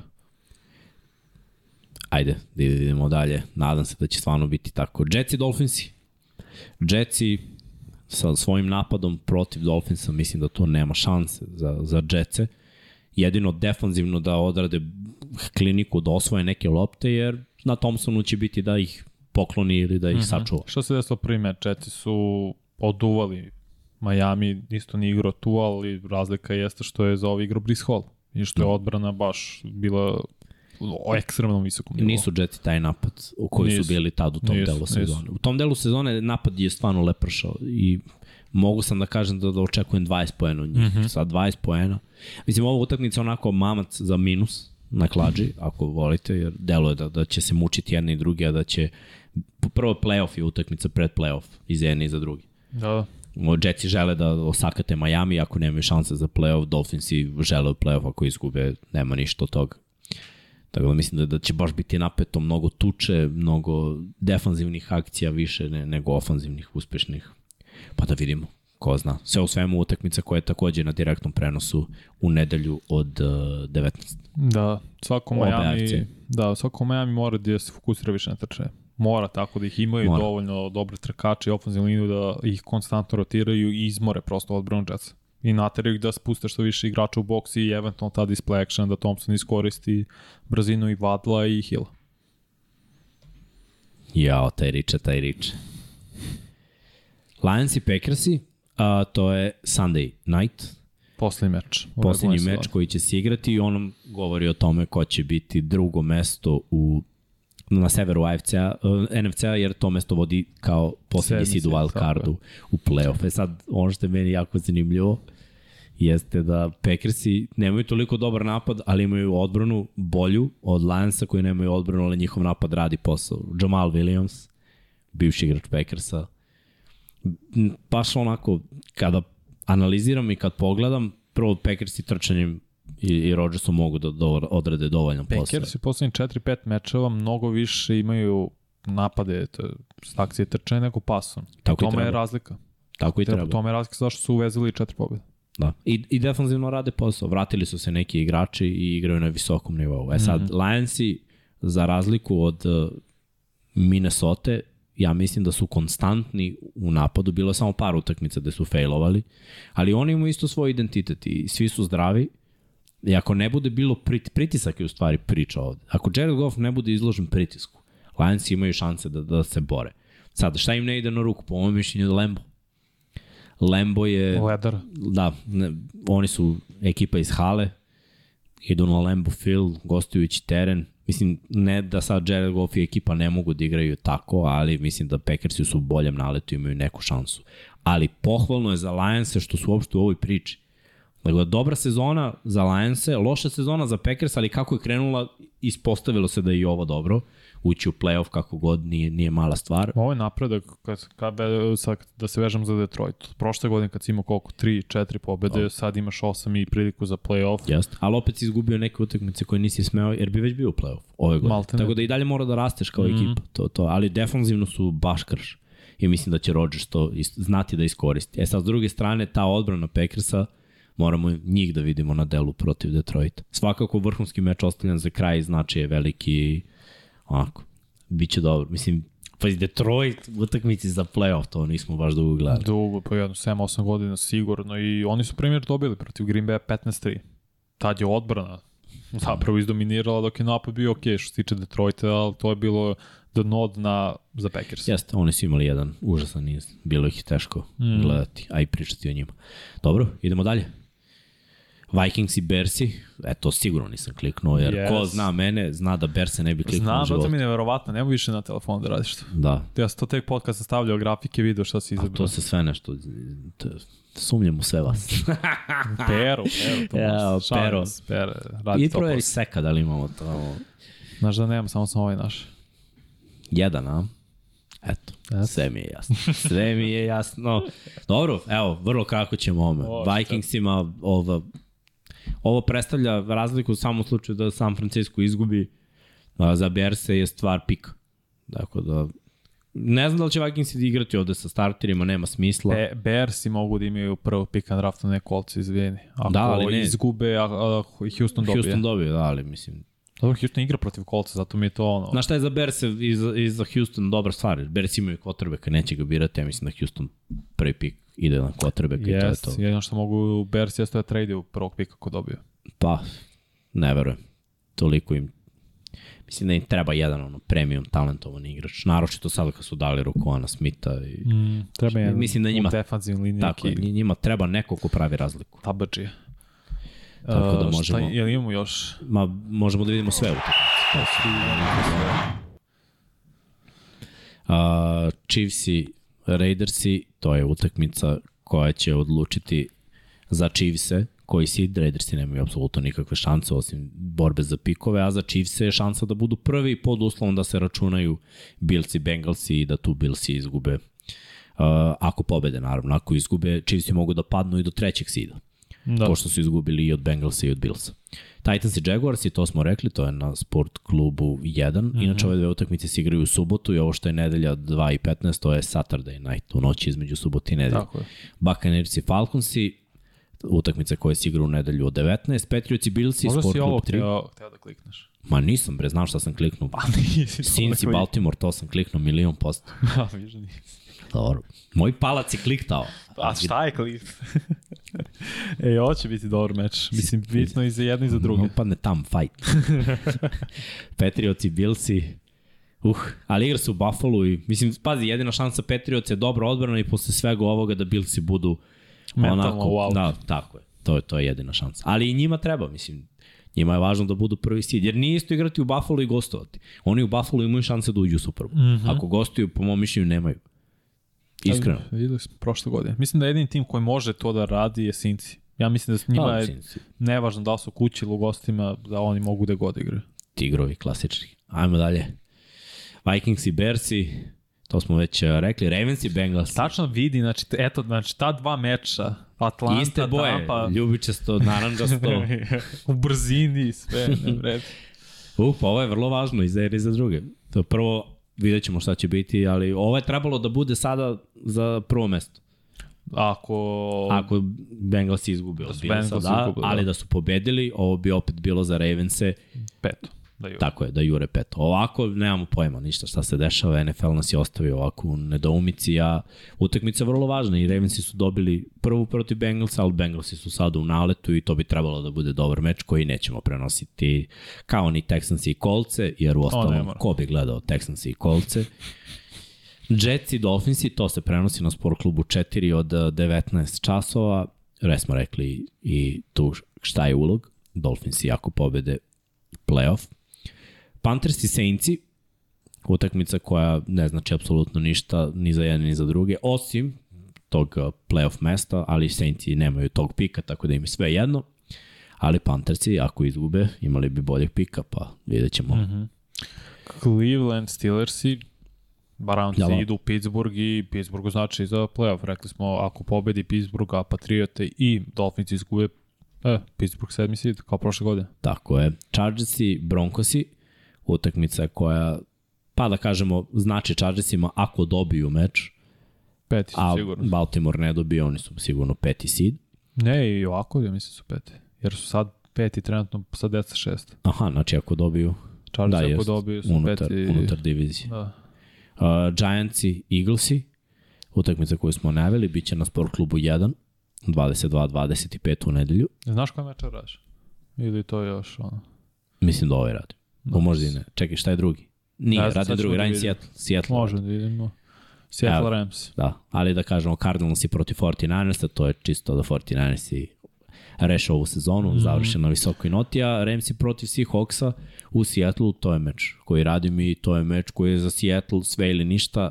Ramsi imaju šansu da, da ovde poremete Seattle, ali Seattle je već imao dobru sezonu, ako uđu u playoff i pritom imaju Denverov pik, I svoje, mislim, znaš, da. Seattle baš ima dobru priču ove godine. Baš. I... Moram kažem samo da 49ers se vezali su 9 pobjeda za redom. Da, da. Bili su 3-4 u jednom momentu, sad 12-4 i dobio ovu 10 pobjeda za redom. Lepo. Došao McCaffrey i rešili su. Cowboys i protiv Commandersa, utakmica koja znači Cowboysima dosta, jer ako Fila izgubi, Cowboysi mogu da budu prvak uh, istočne divizije NFC, ali to ćemo videti Šteta još. za Commanders bi imali su priliku se bore za playoff i verujem da bi ovaj meč bio mnogo bolji oh. da je ostalo tako. Pa bazi se mogu da sruše sneška Cowboysima. O, pa da, Cowboys mislim da su zadovoljni petim sidom. Iskreno, yes. idu na tampu, da, bolji su tim, tako da. Lions i Packers i to smo rekli, to će biti Sunday night. I to bi bilo to što se tiče najave 18. kola tih najboljih utakmica. Ima nekih koje su ono bez veze, ali ima nekih koje dosta znače. Pa možemo da, šta znam. Naše prognoze je. Naše prognoze? E, sad ćemo da vidimo ko je kako kliknuo. Kansas City kliknuo sam. Svi. Jacksonville kliknuo sam. Svi. Tampa Bay kliknuo sam. Svi. Buffalo New England. Kliknuo sam. Svi. Svi smo, svi, svi. smo dosadni. Jes, vrlo, vrlo. Prva strana. Svi isto, malte ne. Mislim, malte ne, nego jeste. Minnesota, Chicago, svi Minnesota. Fields ne igra, bilo jednoglasno. Baltimore, Cincy, svi Cincy. To je Ma Pa Cincy dobro, u ne naletu. igra Aj ne Lamar. igra Lamar. Da. Houston, Indianapolis, svi Houston, Sam Pabla i Jimmya. Piše to. Pa, i oni će pogoditi na kraju će Houston da se preda. Misliš da će Da, 100%. Ajde, ja se nadam da neće iskreno. Ali igraju bolje. Igraju bolje od sam i biro. Iako su kolci domaćini u poslednjem meču u sezoni. Ali Jet- Fall se povredio. Igraće Ellinger. Pa igraju Ellinger i prošli. Ellinger baš loše igra. Da, da moramo kažemo, Kevin Thibodeau je povredio svojim sekom Folsa i posle toga se radovao ne jednom, Da. ne dva puta, već tri puta i onda se posvađao sa svima i sa Jeff Saturday kojim mu je rekao kao ja ne znam ko je to. Pa dobro, mislim Jeff Saturday je samo Hall of Fame igrač pet puta pro bowler, all pro, mislim, ako ne znaš ko je on, ako on ne A, može da ti da kritiku, ja ne znam stvarno ko može. Briga njega, znaš. A Iskreno. znam, nažalost, to je baš tužno. To su ove mlađe generacije bez, bez poštovanja baš, baš za starije ljude kao što je Nick Foles. Baš kao su. E, ali kad se Nick Foles nije povredio kad je ušao? Istina, stvarno je staklen. Mr. Glass. Uh, Jets i Miami, samo u stvari, podeljeni smo ovde. 3-3, opa. Da, ti Eto Jimmy, da, ti Jimmy, Pablo za Miami, veliki Srki, Srki i ja za Jets. Ćemo videti šta kako. Carolina, New Orleans, Saintsi, samo je Jimmy birao Saints. Svi ostali smo birali Karolinu, pa dobro, nije toliko suludo, možda je ono video šta se desilo prošle nedelje i Da, nije nemoguće. njegovih Da. Eaglesa. Pa ne znam, ovo su oni meči koji nikom nije važno i Ma da. teško je za prognoz, bukvalno je 50-50. Cleveland, Pittsburgh, svi Pittsburgh birali, Chargers i Denver, svi Chargers i Fila, Giants i svi Filu, sem Srkija velikog, on mora da ispuca svoje ludosti, to par, par mečeva da ide kontra od svih. To je njegov stav ove godine i dobro izabrao je Giantse koji će vrlo verovatno igrati sa rezervama od rezervi. Tako da idemo dalje. Poslednji strana, svi San Francisco protiv Arizone, svi Seattle protiv Ramsa, svi Dallas protiv Washingtona i svi Green Bay protiv Detroita, tako da malo promena u ovom poslednjem kolu. Mada Jimmy mislim da ima dve, tri promene u odnosu na mene, tako da ne može ni da prestigne za regularni deo. Da. Bićeš kralj, Vanja. Bićeš kralj. kralj regularnog dela sezone. Da, fun times. Moramo da kronamo plašt sledeći put. Da. Plašt. to je to, možemo da Dobro. kažemo ljudi da se subscribe, hoćeš ti... Ne, ne, ne. Šta? Postavi treće pitanje. Treće pitanje pa onda Q&A. Da. Šta je beše treće pitanje? A da, okej. Okay. Borio se. Treće pitanje si sam Treće, izabrao, da. pa Treće pitanje vredi 5000 dinara, opet od Admiral Beta, i glasi ovako, pre 20 godina, znači na sezone 2002. 2003. da tako nazovemo, koja dva tima su bili prvi nosioci u svojim konferencijama? Ko je bio prvi u AFC konferenciji, nosioc ko je bio prvi u NFC konferenciji, nosioc za playoff, znači sezone 2002. na 2003. Na 2003. Hvala. Pa ko odgovori prvi dobija free bet od strane Admiral Beta. Eh, a kada podelimo tu nagradu, onda možemo da odgovaramo na neka pitanja. Može, brzi smo, efikasno. Da. A kao i uvek koji ide ostale profesionalno. Hvala Bogu. Tako da da, kada osvojite, javite se na našu Instagram stranicu da vam pošaljemo ovo što ste dobili. Tampa i Raiders. Mm, nije Tampa. Vanja zna odgovor. Da. Dalje ide, dalje ide. Raiders, Cardinals. Rams, Patriots. Miloš Lilić, Raiders, Eagles. Eto, Miloš Lilić odgovorio tačno, Raiders su bili Oakland, tada Raiders je prvi nosioc u AFC-u, u, u NFC-u su bili Philadelphia Eagles i Miloše, kažem ti, javi nam se na Instagram profil, pošalji nam poruku, pusti nam u DM i da prosledimo tvoj ID Admiral Betu da ti pošalju 5000 dinara i Da. uživaj ovaj vikend. Široko. Široko. A roka i sve što možeš. Da, da, da.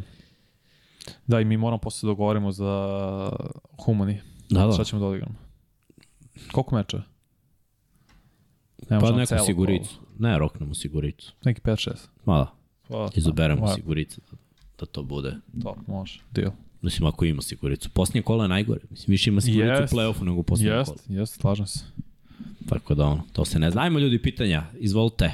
Inače, još jednom da se podsjetim, YouTube, uh, like, Mislim, Subscribe. bilo je 247, 250 tu, ali Ima samo toliko oko 123 250, da. lajka, to je onako malo, prošle nedelje tu bilo preko 200. Jeste da smo oblačili, slačili Srkija, ali... Da, eto, kad smo kod oblačenja i slačenja, kape su tu, kape kidaju. Češ da ih donesem uh, da maj, daj, pa mogu bi. Ajde, ja, što se očekivao će biti ovde postavljeno, ali... Strašno, strašno. Ali dobro, ko, i u nogama imaš maci. Kape su tu šolje, Šolje su takođe tu, bit će u svim bojama, bit će bojama timova, trenutno smo izbacili neke dve boje. Kape takođe gledamo da budu svim bojama, za sada crna i crvena, a majice imate na sajtu u kojim bojama sve, a s obzirom da sada imamo dobavljača, radimo na duksericama, nekompletan pas. Da, da, kapice, šure. Baš je gotivna kapica. Kapice su baš dobre. Mnogo su dobro, mnogo su, mnogo su Džing, džing, džing, džing, džing. Mnogo se iđe. Baš su cool, baš su Tako cool. da možemo, možemo da odgovaramo. Evo, za majice smo rekli, za Dukse Duksević isto biti, tako je. I... Da, bit će uskoro. Da, mislim, videli su prošle nedelje Dukse i Topsu. Da, Dogmu možete, to ovo sek pivo možete poručiti na online sajtu Dogme. Mhm. Mm Ili možeš nešto da ispromovišemo, šolje i sve, sve će Šolje, da, sve smo to rekli da ima na šopu. Da. Ho, ho, ho, kakva nova godina.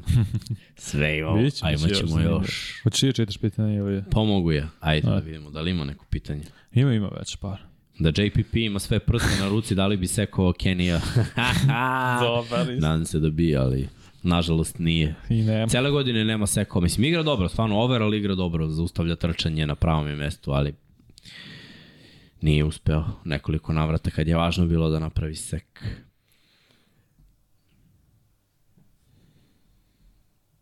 Kakve šanse dajete Giantsima u play-off? Nikakve. U stvari, zavisi pa, na koga nalete, ali na evo ovako, misliš šta, mogu dobiju Minnesota i tu staju. Tu staju, to je uspeh. Pa jest. Mislim, gledaj, plasman u play-off je uspeh, ali ako dobiju Minnesota... Kad su poslednji put dobili play-off od Giantsi? Pa pošto bi od Superbola. Da, 2011. 2016. nisu dobili. Nisu da, izgubili su. I, no šta je to, decenija. Pa da, ali bit će teško, znaš, bit će teško protiv Minnesota. Nemaju ni oni elitnu odbranu baš. Ali Nema, mo mogu da igraju bar igra, jer ni Minnesota nema odbranu, tako da to može da bude mm. zanimljivo. Da li Steelersi treba da promene ofanzivnog koordinatora? Pa... Ne još još uvek mora da se usavršava Pickett. Sad, jedino ako pronađeš koordinatora za kog znaš to je to, sa ovim talentom koji imamo, to je to, želim njegov playbook da usavršava ovaj mali dve godine, ali mislim da, da još uvek su Steelersi daleko od tog nekog daljeg uspeha. Ljudi morate uzmeti u obzir šta je u AFC-u.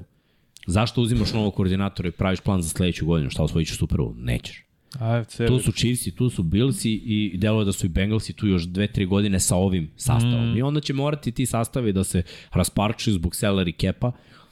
Neki igrači će želeti više para i, i neće moći da ostanu u ekipi.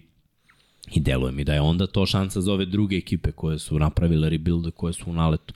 Tako da ni, mislim da nije baš najbolje rešenje, možda napomenuti tom koordinatoru da malo više koristi talente igrača koji ima to. Ali vidimo da mnogo bolje Steelers igraju kada trči, kada imaju ovu odbranu. To je Pa da, Mike Tomlin je defanzivni pre svega no. specijalista, tako da kažem. Tako da on se manje bavi napadom i nije toliko fokusiran na to. Treba njima elitan ofensivni koordinator sa koje to možda već imaju. Možda čovjeku treba vreme da se prilagodi svemu i da se još malo pojača ofenzivna linija, da tu draftu elitnog tekla i bit će to bolje. Ovo sad, o, ok, izgleda jer delo mi da sve daju na kašičici piketu.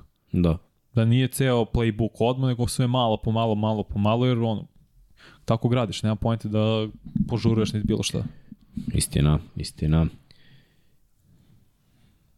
Kape ste napravili na 15 stepeni. Biće hladno, brate, biće hladno. Dolazi, znali. winter is coming.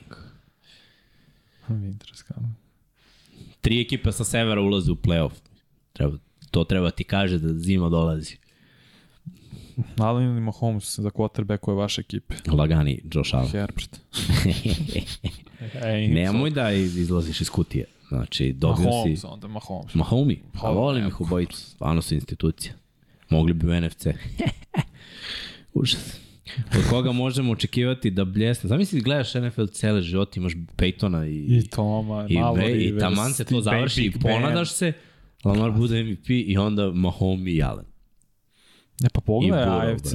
Pa ne, uvek, brate, uvek. uvek ne može. Pa, pa ne, i Lawrence, i Herbert, i ne može, paži pa kao AFC. Od koga možemo očekivati da bljesne sledeće godine kao Detroit ove? Uh, pa ima timova. Ako, je, ako se to smatra bljeskom, Jacksonville. Mislim, ali ove godine je onda bljesnu, blje, bljesnuli su i Jetsi. I Jacksonville. Bljesnuli i Jacksonville ove godine. Samo mislim da to sledeće godine može da izgleda tipa 12 pobjeda. Ali da, mislim da se baš misli na ekipu koja je bila loša, pa pa Denver. Bi mogao. Novi trener i to, to je jedina ekipa koja može u playoff, po mom mišljenju. Priča se Jim Harbaugh. A da, video sam. To je vrlo zanimljivo i Jim Harbaugh znamo kakav je i Teo je on. on i ove godine u NFL. Da, nisi se ukazala idealna prilika.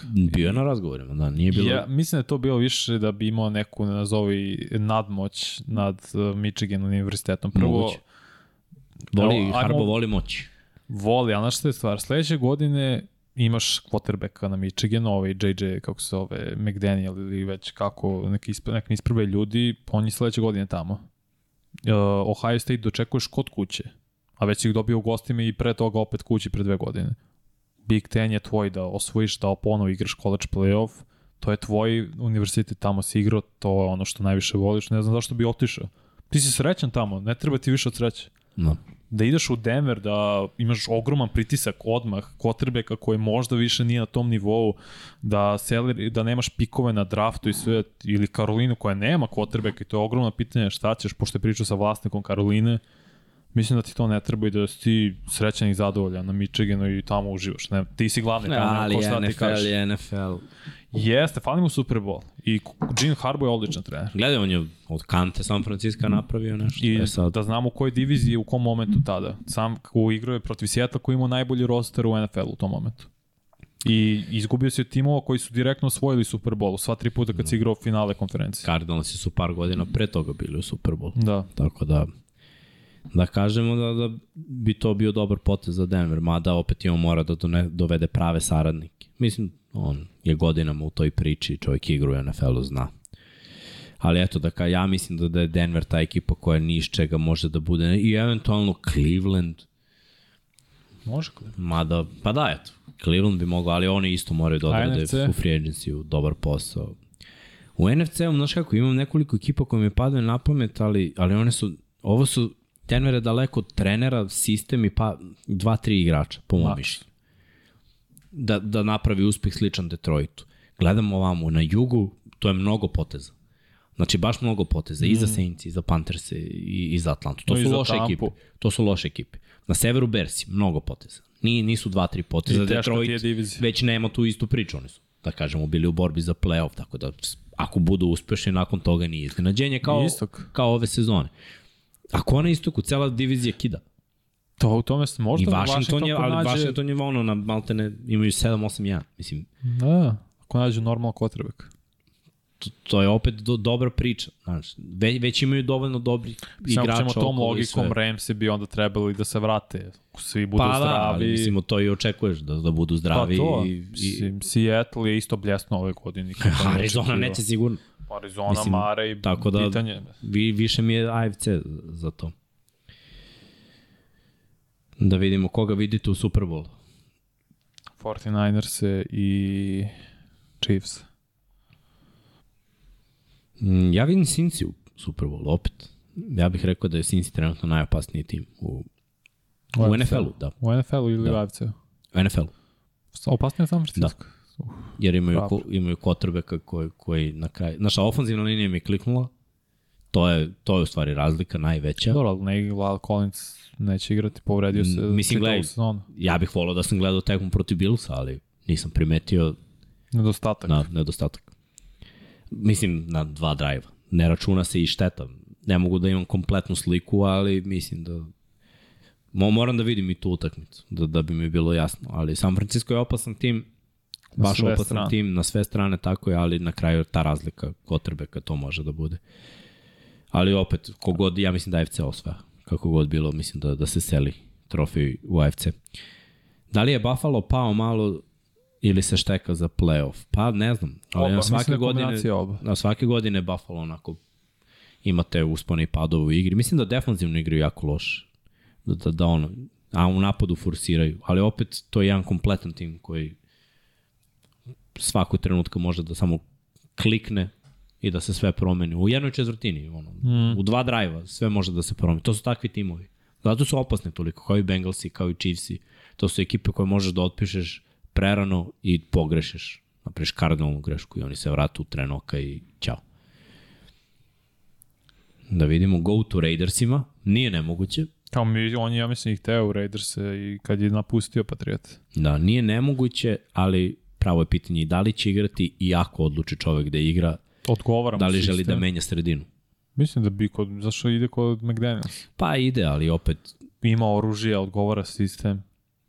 Ako pa, vrate Jacobsa ima ovo vrlo dobro running backa svetu. Da, i ove godine igra s lošim online-om, mm. ali odbranu nema isto. Onom odbranom neće ni u playoff. Ovde u NFC-u je bolja što smo pričali i za Stafforda i za njega. U NFC-u je veća šansa da, da uđeš da. u playoff. Lakše, znači pobediš diviziju, uđeš u playoff. U AFC-u da dobiješ diviziju, mislim, to je stvarno napeto za koju god tim da igraš. Naroče da odeš na zapad AFC-a i kao, evo ga Russell, kako se proveo, pit, neka ga pozove telefonom pa neka pita kako je. A, koje pozicije su neophodne i najpotrebnije Seattle na draftu?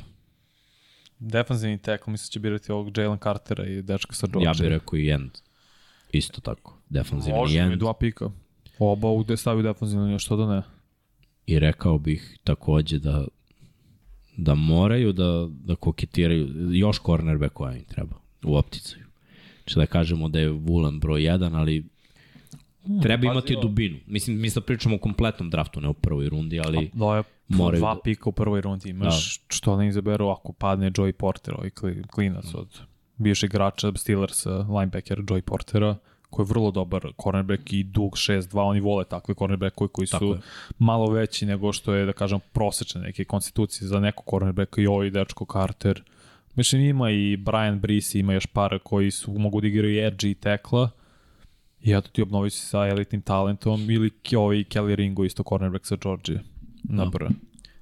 Treba razmišljati tako da se popuni sve. Uh, da li sada waivere kupe samo playoff ekipe? Nemam pojma. Viš nisam razmišljao o tom. Pa... Ili, ili naj, najslabiji si Da li waiver uopšte ima nakon... Nisam siguran da ima nakon, nakon završetka regularnog dela. Da. Ne znam, ne znam stvarno, Đole, dobro pitanje. Mislim da oni postaju slobodni agenti da može bilo ko da, da, da ih skupi kad se završi regularni deo sezone. Uh, Chargersi pod hitno da promene barem ofanzivnog koordinatora, pa vidjet ćemo. Joe Lombardi dalje, ili nije više. Moram Kakve da... šanse dajete Packersima u play-offu? Iskreno, šanse, iskreno, ja im ne dajem nikakve, mislim da idu na San Francisco da ne idu na San Francisco, stvarno mi dao, dao dobre šanse. Da. Protiv drugih ekipa imaju šanse, ali protiv San Francisco stvarno Jedino mislim kako da... da izbegnu San Francisco jeste da Dallas bude drugi nosilac. Ne može. Može, sam Dallas dobije, Francisco Fila dobije, Fila izgubi. To misliš? Pa jedno, tako može da izbegne San Francisco. Ti baš hoćeš čudo. Dobro, ja pravo si. Može da se desi. Može. Onda imaju šanse protiv Dallasa. Mogu. Koji dominiraju na Dallasom kao na njima San da, Francisco. Dallas je bukvalno, ali ove godine su igrali, jesu? Dobio je, da, dobio Dallas. Nije Rad... dobio je Green Bay onaj meč. Je McCarthy prodao beš? Pa da. nije, pa Dak ne, je prodao. Da. Dak je prodao, malo ima dve presečene.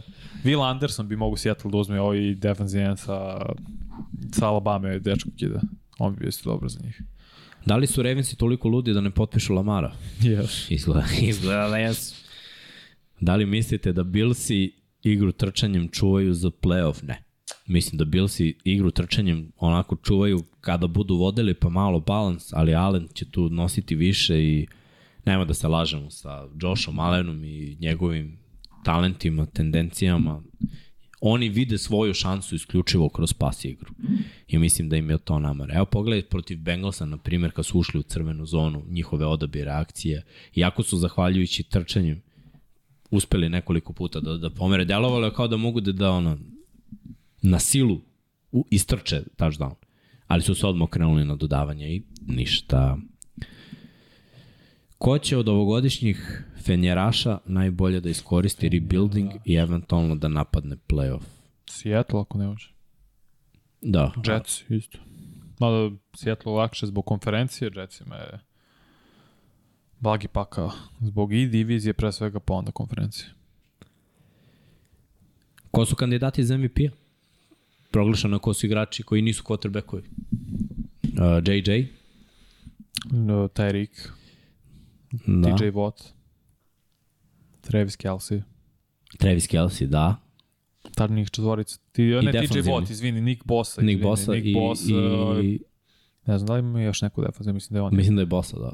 Ne, Nick Bosa, da, i ova trojica, Tyreek, JJ i, i Kelsey. Travis Kelsey, da. A ko će biti, ja mislim da će biti Mahomes. Jalen. Mahomes. Mahomes. Da, pa opet bacio preko 5000 yardi. Opet će njegov tim vrlo vratno bude prvi seed. Dobre šanse. Opet 13 pobjeda. Yeah. Ne znam. Bez Tyreek Hilla da imaš ovakve brojke. A šta ako se Jalen vrati u poslednjem kolu i dovede Filu do prvog Pa seeda? mislim da će tako biti, jer to onda priča sa ljudi koji glasije. Izgubili su dva meča bez njega, to ide njemu korist, on se vrati, Tako pobedi, pouzmu prvi seed. Onda on, ali on ili Mahomes. Mislim Ajmo, da je to. Jalene, ajmo, brate. Red je. Red je da Fila ima MVP-a. Je li imalo nekad Fila MVP-a? Trebao je Vance da se nije povredio. Da, ali nije bio. Ne Nije mogu bio. da se setim. Ne mogu da se setim. Donald McNabb nije nikad Ne, bio. Ne, pa nije. Pa što da pogledam, ba, to nešto. Mislim, imala je sigurno nekad, ali... Pa ne mora znači da je imalo nekad. Ja sad ću vidim, ti nastavi s pitanjem. Pa nekad je bila ona era kad su i defanzivni igrači mogli da budu MVP-evi. Ko bi mogo bude ovaj... Uh, Reggie. Reggie White. Pa da, možda, ne znam. I o, ne znam da li je, da li je Pa ne, Cunningham i, bio. I Hurts može postane prvi. Da li je Cunningham bio? igrač, Nije. nije. Jedini On je igrač bio velika zvezda ovako u NFL. Eaglesa je Norm Van Brocklin, je bio koji je bio li, uh, MVP ligi, ali to je bilo de, uh, 1960. Znači Dobro, pre Super Bowl ere. Dao sam sve svoje pikove iz istorije koje, sam mogu kad nisam gledao, ali da, nema šanse. Dugo je, eto, Fila zaslužila bre da ima jednog MVP-a. Jeste. Mahomes je već bio MVP, neka čekamo. Dobro. Uh, šta mislite šta fali Lionsima u odbrani pošto imaju sad solidnog rushera, Hutchinsona i cornera u kudu? Ali im Pa defanzivna linija. fali, fali To je im, tackle, neko ko može trčanje zaustavi. ne mogu to da zaustavi, to je broj jedan. Ali i u sekundariju im takođe fali, mislim, Pa linebackeri ko su? Ja, bi, ja bih rekao, gledaj, i safety, ja, baš, baš su šup. Lions isto imaju dva pika znači, od Da. da. Ramsa. Da, da. Znači možeš da biraš i defanzivnu liniju, tackle pre svega, spomenuo sam Brian Brice i sa Da. Clemsona. Pritom mislim da im sistem defanzivni nije uvek dobar. Si vidio nevjerojatnu reakciju Hutchinsona? Onaj presečan Da. loptu. Koliko inteligentno potez. Ali to je individualni potez. Da. Ali ponekad mi deluje da su oni samo stavljeni ovako, bez obzira protiv koga I igraju u šta određenu znaš. odbranu i ono. Ne, igramo to i mi igramo to, a vi ne može igraš tako u NFL. Mislim, treba malo viši nivo da se in, in, instalira za, Lions. Za, zato imaju kikseve. Jer staviti zonu neku prostu protiv dobrog kvotrbeka, to je onako, kao igrica. Pozdrav od ekipe Krop Pack Krop, pozdrav. Evo sad čitam, izvim što prekidam, Williams nema ističem ugovor. Jamal Williams, nakon ove sezone. Da, A Swift je, ima još naredne godine. ruki. Be, BJ Robinson sa Texasa running back. Majak. Vidiš? Nema potrebe. Ovo je to. Ovo, ovo radi posao. Radi, Što ali me menjaš ako kad ga radi posao? mora i da ga zadrže. To je jedino. Ma da, držat će ga šta. Šta što se brinaš za running back? Pa to je naj, najjeftinija, to je radna snaga. to ti je ono, plaćeni su malo bolje od magacionera. Užas, brat. Ljudi ginu tamo na terenu, Nažalost. igraju za kikiriki. Pa, pazi, manje para će dati njima dvojici nego gofu. Da, da, da, jeste. Ili, Zato što je ovaj na ruki ugovor. ili hvataču koji im bude izašao ono prvi kao zvezda. Njima će značiti Jameson Williams sledeće godine koji se sad vratio s povrede. Ruki hvatač. Još jedan X faktor, još jedna Da. da. vertikalna opcija. Mislim imaju pikove od Minnesota za Hawkinson. A nije pik prve runde, nego drugi. Nema veze. Opet Dva u prvoj. Dva, prvo, dva drugoj. Dva u drugoj. Loše li je? Uh, pitanje od uh, Crow Pack Crow, jesu li Lions u ovom trenutku bolja ekipa od Vikingsa? Pa nisu bolja ekipa, ali mogu da odigraju bolju utakmicu, eto, aj tako ti kažem. Vikingsi su bolja ekipa i Vikingsi kad igraju utakmicu, igraju utakmicu, ali često se desi da Ne igra. ne igraju poluvreme, pa da se vraćaju u drugom, Ne igraju bitnu utakmicu. ili da ne igraju uopšte, pa budu pregaženi, ko što je bilo 3-4 puta ove godine. Tako da, ne, ne znam, talent je na njihovoj strani, Sistem je bolji na njihovoj strani, ali mislim broj pobeda isto govori. Znaju da završe utakmice ove godine i bilo je utakmica koja su vodili sve vreme i rešavali. Jeste bilo tesno, ali vodili su i rešavali. Ima i malo bolje quarterback. Denver će da juri Shona Paytona, Karolina, Harbaugh. Dobro, vidjet ćemo. Ne, te, pa nisu ludi ni jedan ni drugi. Koliko još godina Rodgers ima ugovor? Još tri. Tri. Znate da je Jim Harbaugh bio quarterback kolca pre Peytona Manninga, znamo. Jim Harbaugh je bio dobar, Dobar quarterback, da, istina. solidan. Komu je bio njemu trener? Neko veoma rigorozan, moj bio trener jedno vreme. A ne mogu da se setim ko je bio. Jimmy Johnson možda? Tad nisam gledao, to, je bilo devet, to su bile 90. Neko je pričao o tome, ne znam se setiš se. Tad sam čekao uh, red za hleb i mleku. Da li Seattle treba da draftuje quarterback u prvoj rundi za budućnost ili da draftuje defanzivnog tekla ili defanzivnog enda? To pričali Dobro, to smo, smo rekli. Da, edge. Ili defensivna linija deska. Skakuću mi ovo pitanje. Znaš kako, namesti, uh, je možda namestiš da ti idu novija pitanja? Možeš ti da čitaš pitanje. Da, to se, to se prešao sad. Reci koliko sam iskusan. A, Dobro. El producente je potvrdio ovaj Jeste, ja. iskusan prebac. Da vidimo dokle smo stigli. A, a, a koje najveće QB ime može da promeni sredinu sledeće sezone? Pa Tom Brady pre svega, ajde da kažemo da je najveće. Da, ako ode. Ako ode, Ako ne ode, to je dobro i Lamar tehnički može, ali ne verujem, mislim da će neće biti ide na tek. franchise. Da. No Derek Carr, njega će da katuju Derek i Carr. to je to. Jimmy G, Ali Jimmy G opet ima naš povredu. koji bi trebao se oporavi do A treba... februara. Jimmy G svake godine ima povredu. Nevjerovatan je, baš je nevjerovatan. Derek Carr je bar, možda siguran si da Mm. kako igra, ali igra. Povredio se Koliko je jednom vezu ono i to nije bila 91, njegova. 91 meč pre nego što su ga benchovali. Da. Tako da, Tu je. Derek Carr je jedna konstanta što se toga tiče. I ta jedna povreda koja je bila za Raiders pre, kad su ušli u playoff, onda mislim nije dečko mogo da utiče na to kad je slomio nogu, ali ako pogledamo neki talent, i oni Jimmy G su malte ne ista priča, samo Derek Carr igra u slabijim ekipama. Tako da on mi je nekako slobodni agent od svih ovih quarterbackova koji može da napravi razliku. Za njega ne moraš ni da traduješ. I još je u pa. solidnim, ono, u Pa dobrim godinama. dobro. Mislim, to je, Igra okej. ima, ima u sebi jedan, daš mu ugovor na tri godine. Ima sigurno. To je isplativo. 32, Dve, godine. dve godine sa opcijom treće, lepo je za salary cap, može da se prebaci na one tamo godine, Da bude malo više bonusa, tako je fleksibilan ugovor i ako jedne godine mu da šansu sa koordinatorom da se ukomponuje, sledeća godina ispit godina, ako bude dobar treća, ako ne bude doviđenja, prijatno i rekao bih da, da, da je to odgovor najbolji. A, da, da li se zna ko je rekord za uzastopne pozitivne sezone? Preposlednje mislim na više broj pobjeda nego poraza za timove. Ako Patriotsi dobiju, mislim da oni drže rekord. Nisu imali uzastopno. Nisu i one jedne godine su imali 70. Kad? Prve godine nakon Toma, 6, 10 ili koliko već, 7, 9. Kad je Tom otišao prvo godine, COVID godine, 2020. Mislim da nisu imali pozitivan skor tada. Ali koliko su imali pre toga? Skoro 20. Nisu, nisu imali Ne. jedne godine, 2002, 2002. ne znam koliko su imali. da, jedne godine nisu imali pozitiv. Ne znam koji, Uzastopno, ne znam. ali znam da su oni, ono, institucija. To možda i Tomlin može dobro. Ali Tomlin ima koliko? 16 i to pod uslovom da pobedi sad. Pa 16. Svaki je pozitivan kad je ušao. Ovo mu je 16. sezona da je glavni trener. Ako pobedi ima 9-8 i to je 16. godina. Ali mislim da su Patriots isto imali 16. Sve baš da Jer su osvojili, oni su osvojili pete. Mislim da Od dve... četvrte nisu imali. Kad nisu ušli u playoff te ne, godine. imali nisu. su te godine, 2002. kad nisu išli, ali su imali 9-7. Znači, Znači, bili su pozitivni. 2001. sve do 2020. kad su imali 7-9, znači 19 godina. A mislim možda imao to u prošlosti sad, ja ne znam. Jel, Ne znam ovo ja, što pratim, ali 19 je Patrioti su Tomlin imali. ima vrhunski niz za sada, ali mora pobedi da bi se to nastavilo. Da. Mora pobedi sada.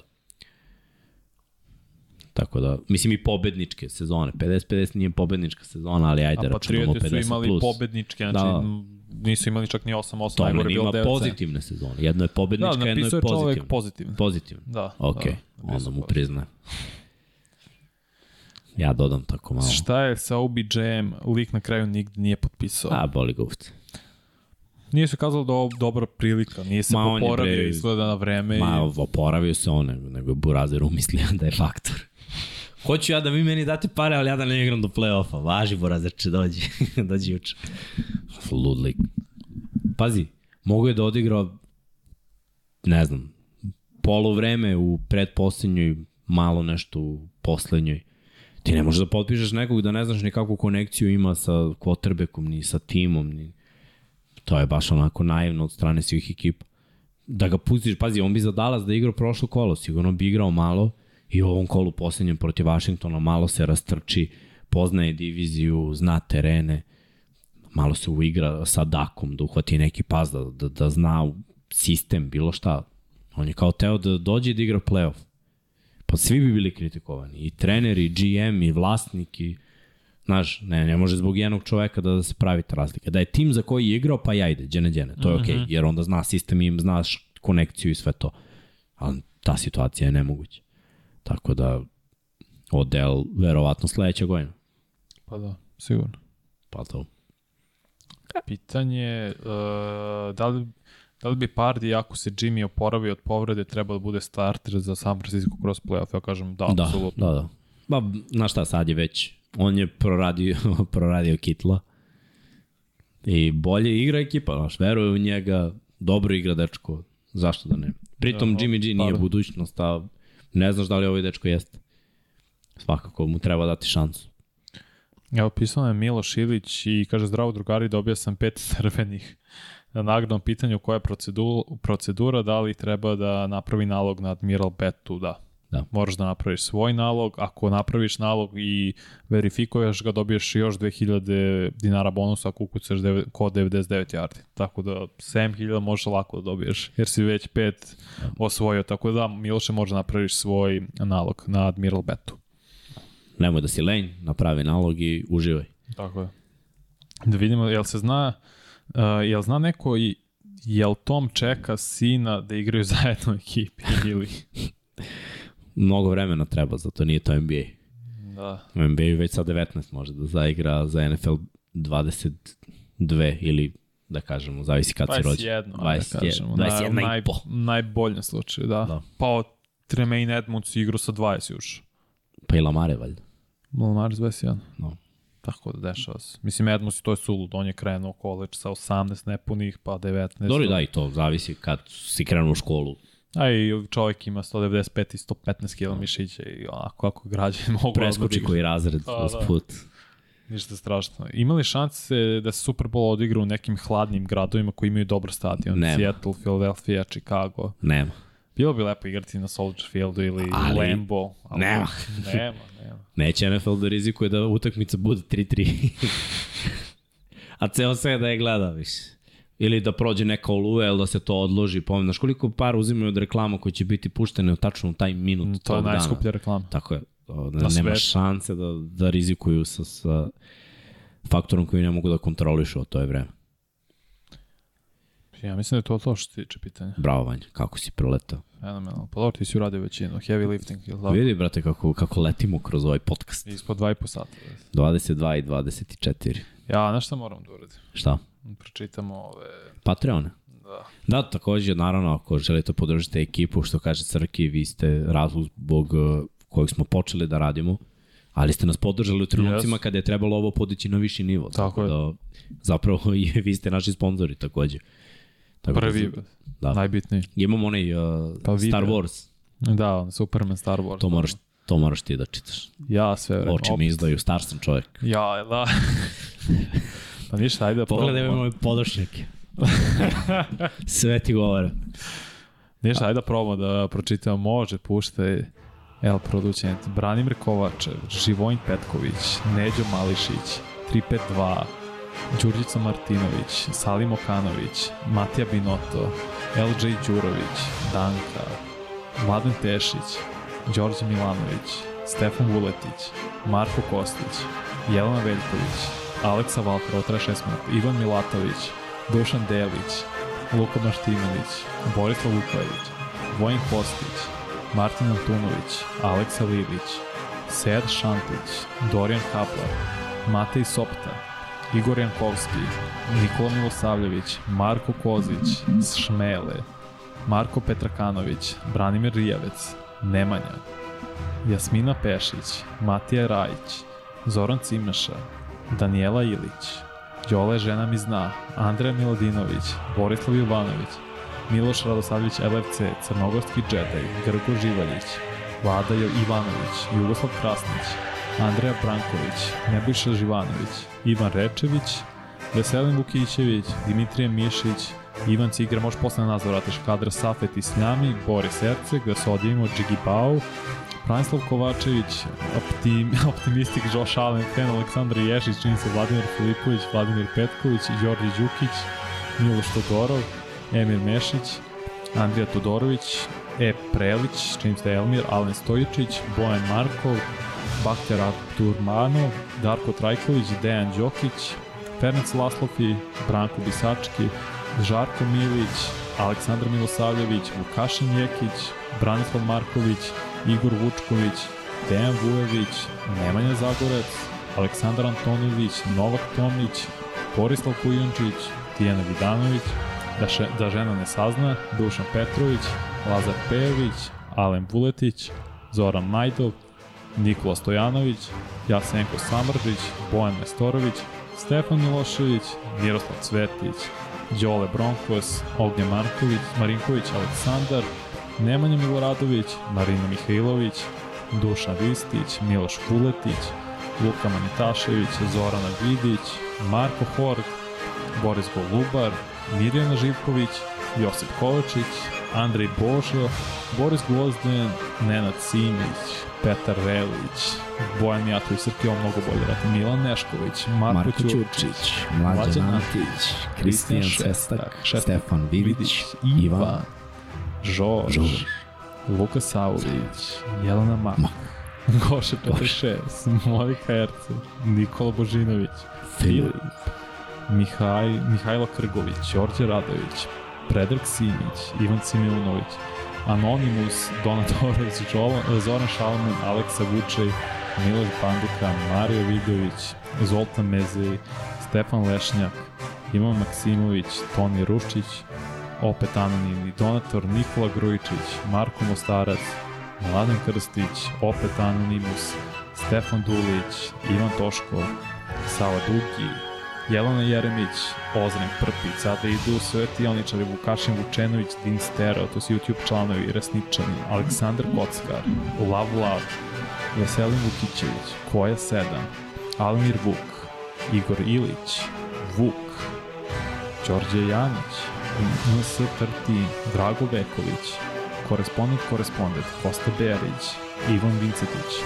Bojan Gitarić, Igor Ninić, Milan Bačić, Ivan Hornjak, Aleksandar Nikolić, Marko Bogavac, Nikor 24, Sejdo Mujčić, Aleksandar P, Toleador, TG, Regi, Uroš Ćosić, Marko Stojivković, Nikola Vulović, Nikola Božović, Ivana Vesković, Nemanja Bračko, Maksi, Mencur Kurtegić, Galeksić, Alen Jasenović, Uroš Čuturilo, Žarko Jovanović, Voče Pero, Vladan Đurić, Marakoš, Zlatko Marić, Aleks Vulović, Milan Knežević, Nemanja Cimbaljević, Bojan Pejković, Petar Bijelić, Kro Robi 00, Pavle Lukić, Milorad Reljić, Saša Stepanović, Toni Soni 76, Nikola Grćan, Miloš Tanimirović, Bakadu, Ivan Magdan, Magdanel, eh, Magdelanić, opa propustim Branislav Dević, Ahmedin Ahmetović, Marina,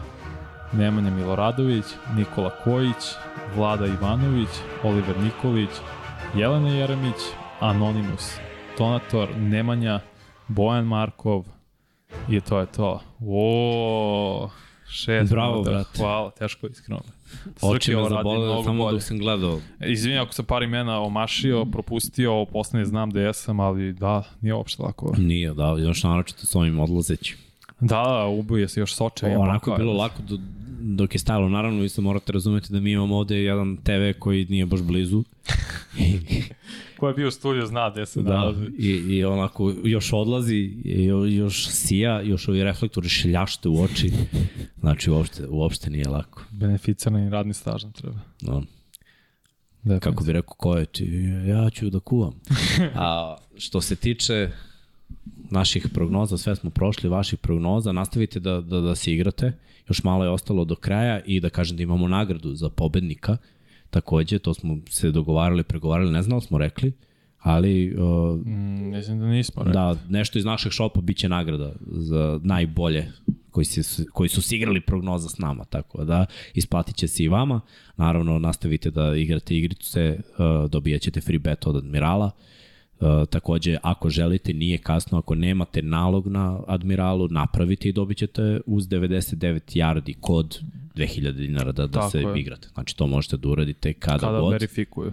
Tako je, kada verifikujete. A što se tiče našeg podcasta, mi smo promenili, inače, Irena je to napisala od prve epizode 99 yardi, ona je bila tačno u četvrtak. Da, dve godine. Da, tačno dve godine. Ne, viš, tri. Tri, 2020. Na, na, današnji, na današnji datum. Da. Reci, carski. Fenomenal. Nastavimo, rastemo. Da, nastavimo inače petkom, sledeći petak će, će Tako biti je, emisija i nadamo se da ćemo ponovo biti u punom sastavu. Bićemo, ćemo, vraćaju se. Da, su, morali se, da. No, to smo rekli i nekoliko puta pre, pa je bilo. Moramo da stavimo jedan kazneni sto ovde. da. da imamo ovaj, sto, ovaj sto i kazneni sto. Mi već imamo sto. Koji bi studio zna, eto, tu ćemo da smestimo na DJ poziciju. Da. Svakako do sledećeg petka veliki pozdrav iz Infinity Lighthouse studija i od dva člana 99 yardi.